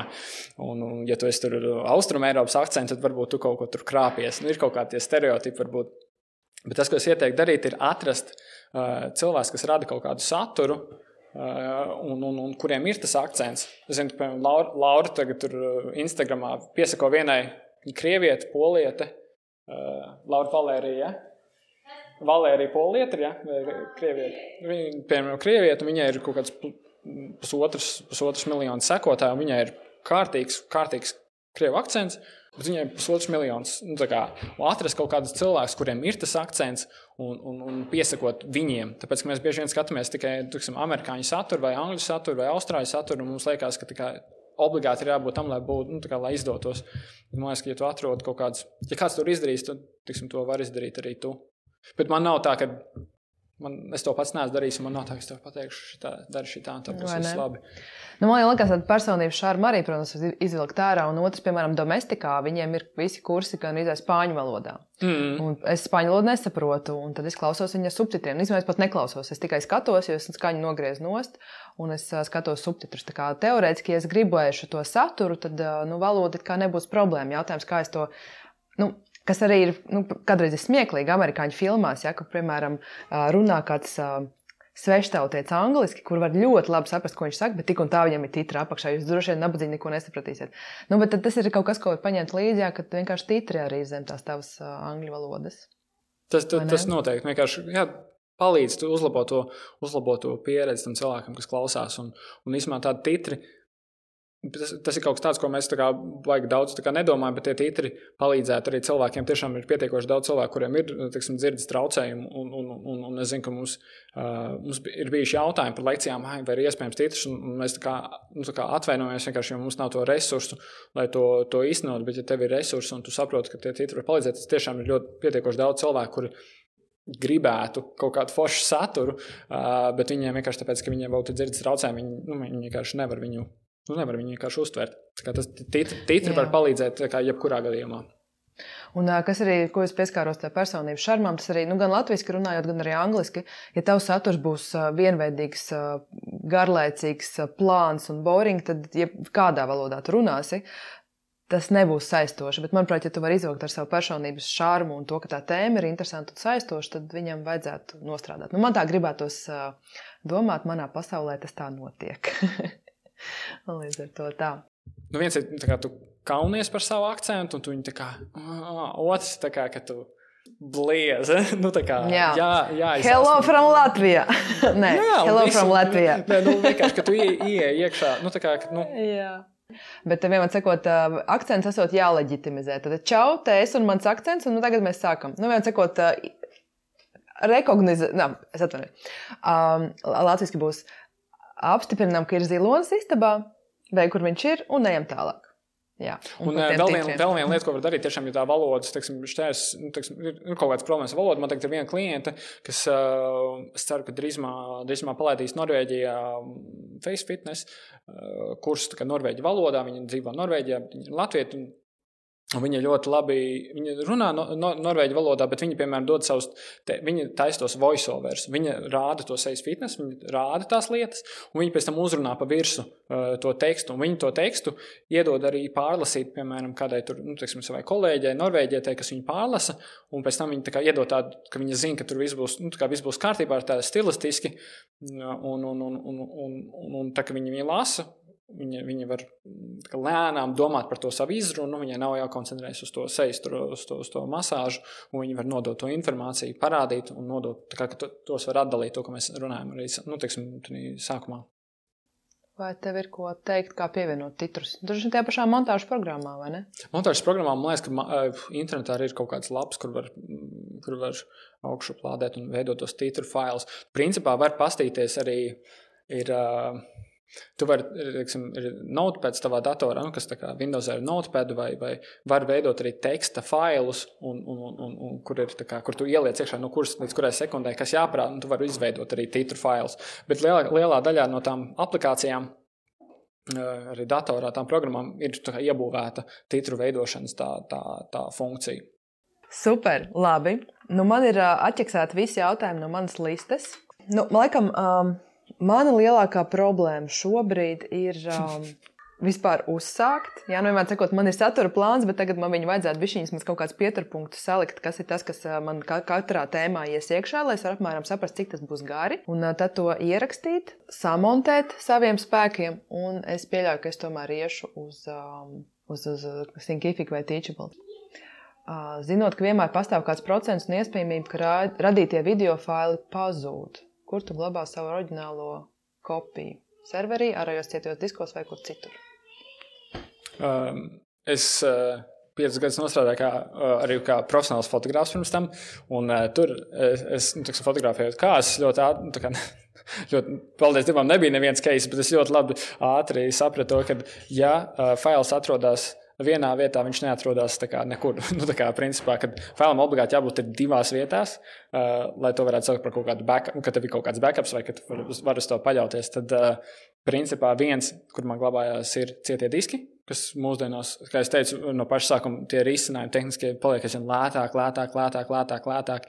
Un cietos diskus tu vari, iztērēt 100 eiro un tu ļoti ilgam laikam pietiksies. Principā tā cena par gigabaitu ir samazinājusies, bet es, jā, es izmantoju gan Google, Google Drive izmantoju citām vajadzībām, bet, nu, principā, backup es taisu uh, Dropboxā, maksāju, cik man 9 eiro mēnesī, nāk 2 terabaiti, un man Dropboxā viss stāv, viss, tā kā, viss backups. Nu, tā. Tas, tas, tas ir mans obligāti, obligāti viens lokāls, un otrs mākonī. Vienalga, kādā drives, uh, Dropbox vai ir vēl citādi, tiksim, ir citi risinājumi, bet obligāti viens, kas ir kaut kur, kaut kur, kaut kur citur. Bet, ja tev tas video stāv Vēl viens backups, ko tu vari, nu, vari izmantot priekš video, kas ir bez maksas. Tu vari YouTube upload, augšuplādēt video, izveidot savu kanālu, kurš nevienam nav redzams, augšuplādēt savus tos video, lietas viņus kā private, kā privātus, un, un, un, un, un principā tu vari viņus arī pēc tam lejuplādēt, tad, ja tev kaut kas, nu, tiksim, ja tev kaut kas tur pazūd, un, un tā, tā kā backupot video var arī YouTube. Nu, tā. Un vajag atcerēties to, ka tad, kad ja tu kaut ko izdzēsi no no, no tiksim, tev ir SD kartē kaut kas ierakstīts, ir programmas, uh, ir, ir iespējas, ja tu neesi viņu. Ja tu neesi kaut ko uzrakstījis pa virsmu, ir veidi, kā ir tās recovery programmas, ka tu vari atgūt failus. Ja es esmu mm, no fot, fotografējot, esmu, uh, esmu tiksim, tā, izdzēsis kaut kādas bildes, kuras vēl nevajadzēja dzēst, un tad viņas var recoverot arī kaut kā, nu, tiksim, ar tām izmantojot tās programmas, kuras bieži vien var bez maksas atrast vai arī bezmaksas izmēģinājumiem ja viss, kas tev attur, nu, bieži vien mēs paņemam kaut kādu tādu drošību, un, un, un, un, un tas risks, pirmkārt, cik daudz cilvēku reāli nozags tavu saturu, un pat ja, viņi, pat ja būs viens cilvēks, kas nozags, nu, ko viņš padalīsies ar tavu kursu ar vienu citu cilvēku, vai nu, kā, ja viņš sāk dalīties ar, ar, ar daudziem, un, un, un tā, tad jau varbūt kaut kāds cits variants. Bet nu, es neesmu dzirdējis baigi daudz tādu stāstu, ka tas arī varētu, varētu notikties. Bieži vien es zinu, man pašam, man pašam tas ir bijis kaut kas, par ko es uztraucos, un, un kas mani attur no, no, no, no kaut kādas svarīgāku lietu darīšanas, kā piemēram nu, tā kursa, kursa pašas filmēšanas. Es vienkārši gribēju pateikt par to, ka pat ja es simplifikātu šo kursu skatos, nu, es ļoti labi gribu ierakstīt kaut vai ekrānu vai kamerīpu uztaisīt, ja es ļoti to gribēšu, protams, bet vai šis te viens, divi cilvēki atturēs tieši tā mani no tā, ka es to kursu vispār uztaisīju, lielākā daļa jau tomēr viņu visdrīzāk nopirks. Un, jā, viņš var noripot arī tie paši masterclasses, starp citu arī figurē internetā, un ja ļoti gribās, var viņus dabūt arī nemaksājot. Nu, tas tā, jā, tas tā notiek, bet vai tāpēc uh, izslēgt vispār iespēju, ka ir arī klienti, kas tev samaksās? Nu, droši vien, ka nē. Es, es, man ātrākais stāsts centrāla, nu, no centrāla tirgus. Zivju pārdevēji pirms daudziem gadiem, kad mēs tur zero, nu, tā kā mēs joprojām ņemamies, bet pirms centrāla tirgu iepirkām zivju pārdevēji liek man zivi trīs maisiņos. Es viņai prāsu, kāpēc, kāpēc trīs maisiņos, kāpēc tas ir vajadzīgs. Viņa teica, tāpēc, ka man, viens, tāpēc, ka man vienreiz viena sieviete pateica par to, ka, kā, ka, ko tu skopojies ar tiem maisiņiem, ieliec man trešajā. Kopš tā laika, kopš vienas dēļ vienas, viena keisa, viņa tērē kā, par trešdaļu vairāk maisiņus nekā lielākā daļai cilvēku vajag. Ka mēs bieži vien dēļ kaut kādas vienas iespējamības, kas varbūt pat nenotiks, ka mēs pielāgojam visu un, un, un beigās varbūt kaut kāds sarežģītāks vai dārgāks risinājums tikai tāpēc, ka ir bailes par to, ka kāds, varbūt, nezinu, kāds nozaks. Nu, jā, tieši tā. Numur viena lieta, kas man ir ietaupījusi visvairāk laika, eh, tiem, kas eh, paši montē savus video, eh, dariet to no beigām. Tev ir video materiāls, un tev ir viena, teiksim, viena lekcija vai viens nu, desmit minūšu ieraksts. Un tev, nu, kā melnais materiāls, tur būs piemēram pusstunda, tev vajag, nu, beigās būs desmit minūtes. Nevis sāc klausīties no sākuma, un tad griez, bet sāc klausīties no beigām, nu, sāc klausīties, nu, kā ej cauri no, no beigām Tāpēc, ka bieži vien ir tā, ka mēs pēdējais teiks ir, ir, ir īstais. Piemēram, tu vari ierunāt kaut ko, pats sajaucu, un tu ierunā pareizi. Un, ja tu sāksi rediģēt nu, no sākuma, tu baigi noklausīsies visu, un tu perfekti sagriezīsi, un tev būs tāds bāts sajaucu. Un tev viss, tas, ko tu būsi tikko sagraizījis, tev būs jāņem ārā. Tu, kā, jo īstais tas gala, gala variants būs tas pēdējais. Vienmēr pēdējais arī teiksim, fotografē. Bieži vien pēdējais, tas, kas ir nofotografēts, tas ir tā vislabākā bilde. Jo parasti tad, kad mēs, esam, nu, kā, tad mēs pabeidzam, un, un tas ir labākais materiāls arī video. Tas ietaupīs stundas. Ok, forši, labi. Tagad gan es pielikšu punktu. Viss ļoti krūti, darām savus meistarklases, uh, filmējam. Nu, es esmu uzlikusi sev, mums kopā ar Katrīnu Cīruli, ir, viņai ir savs kurs, man ir savs. Mēs viņu gribam marketēt tādā vienā paciņā. Interesantā mums ir uzlikts 28. jūnijas kā datums, kad ir jāiet gaisā. Līdz ar to Diānas foršā, Diāna, Diāna ir normāla forša auditorija. Tad, tad ierakstiet savos kalendāros 28. datumu. un, ja jūs neredzat 28. datumā, tad rakstiet Diānai, klausies, kur ir tavs kurs. Var man rakstīt depresijā tieši tā. Un uh, es arī noteikti ielikšu ierakstu savā kanālā, tagad, savā, kanālā, savā Instagramā ar šo te, un arī ielikšu adresi, kur varēs pēc tam uh, aiziet Signa Simple lapā, atrast visu šo informāciju. Un, ja kas, tad uh, prasiet man, kāpēc neesmu ielikusi. Un, jā, 28. jūnijā savukārt tiksimies uz um, manu meistarklasi, kas būs jau ierunāta. es nevaru sagaidīt. jā, es arī. Uh, labi, super. Paldies liels visiem, kas klausījās, kas bija klāt, un arī Anti, tev liels paldies. Vienmēr ļoti patīkami ar tevi parunāties. Es kaut ko daudz uzzinu un, un jaunas idejas. Man ar tevi arī. Man ar tevi arī. Vienmēr. Super. Labi. Paldies liels Labi. un uh, tiekamies kaut kur citur kādreiz. Labi. Čau. Čau.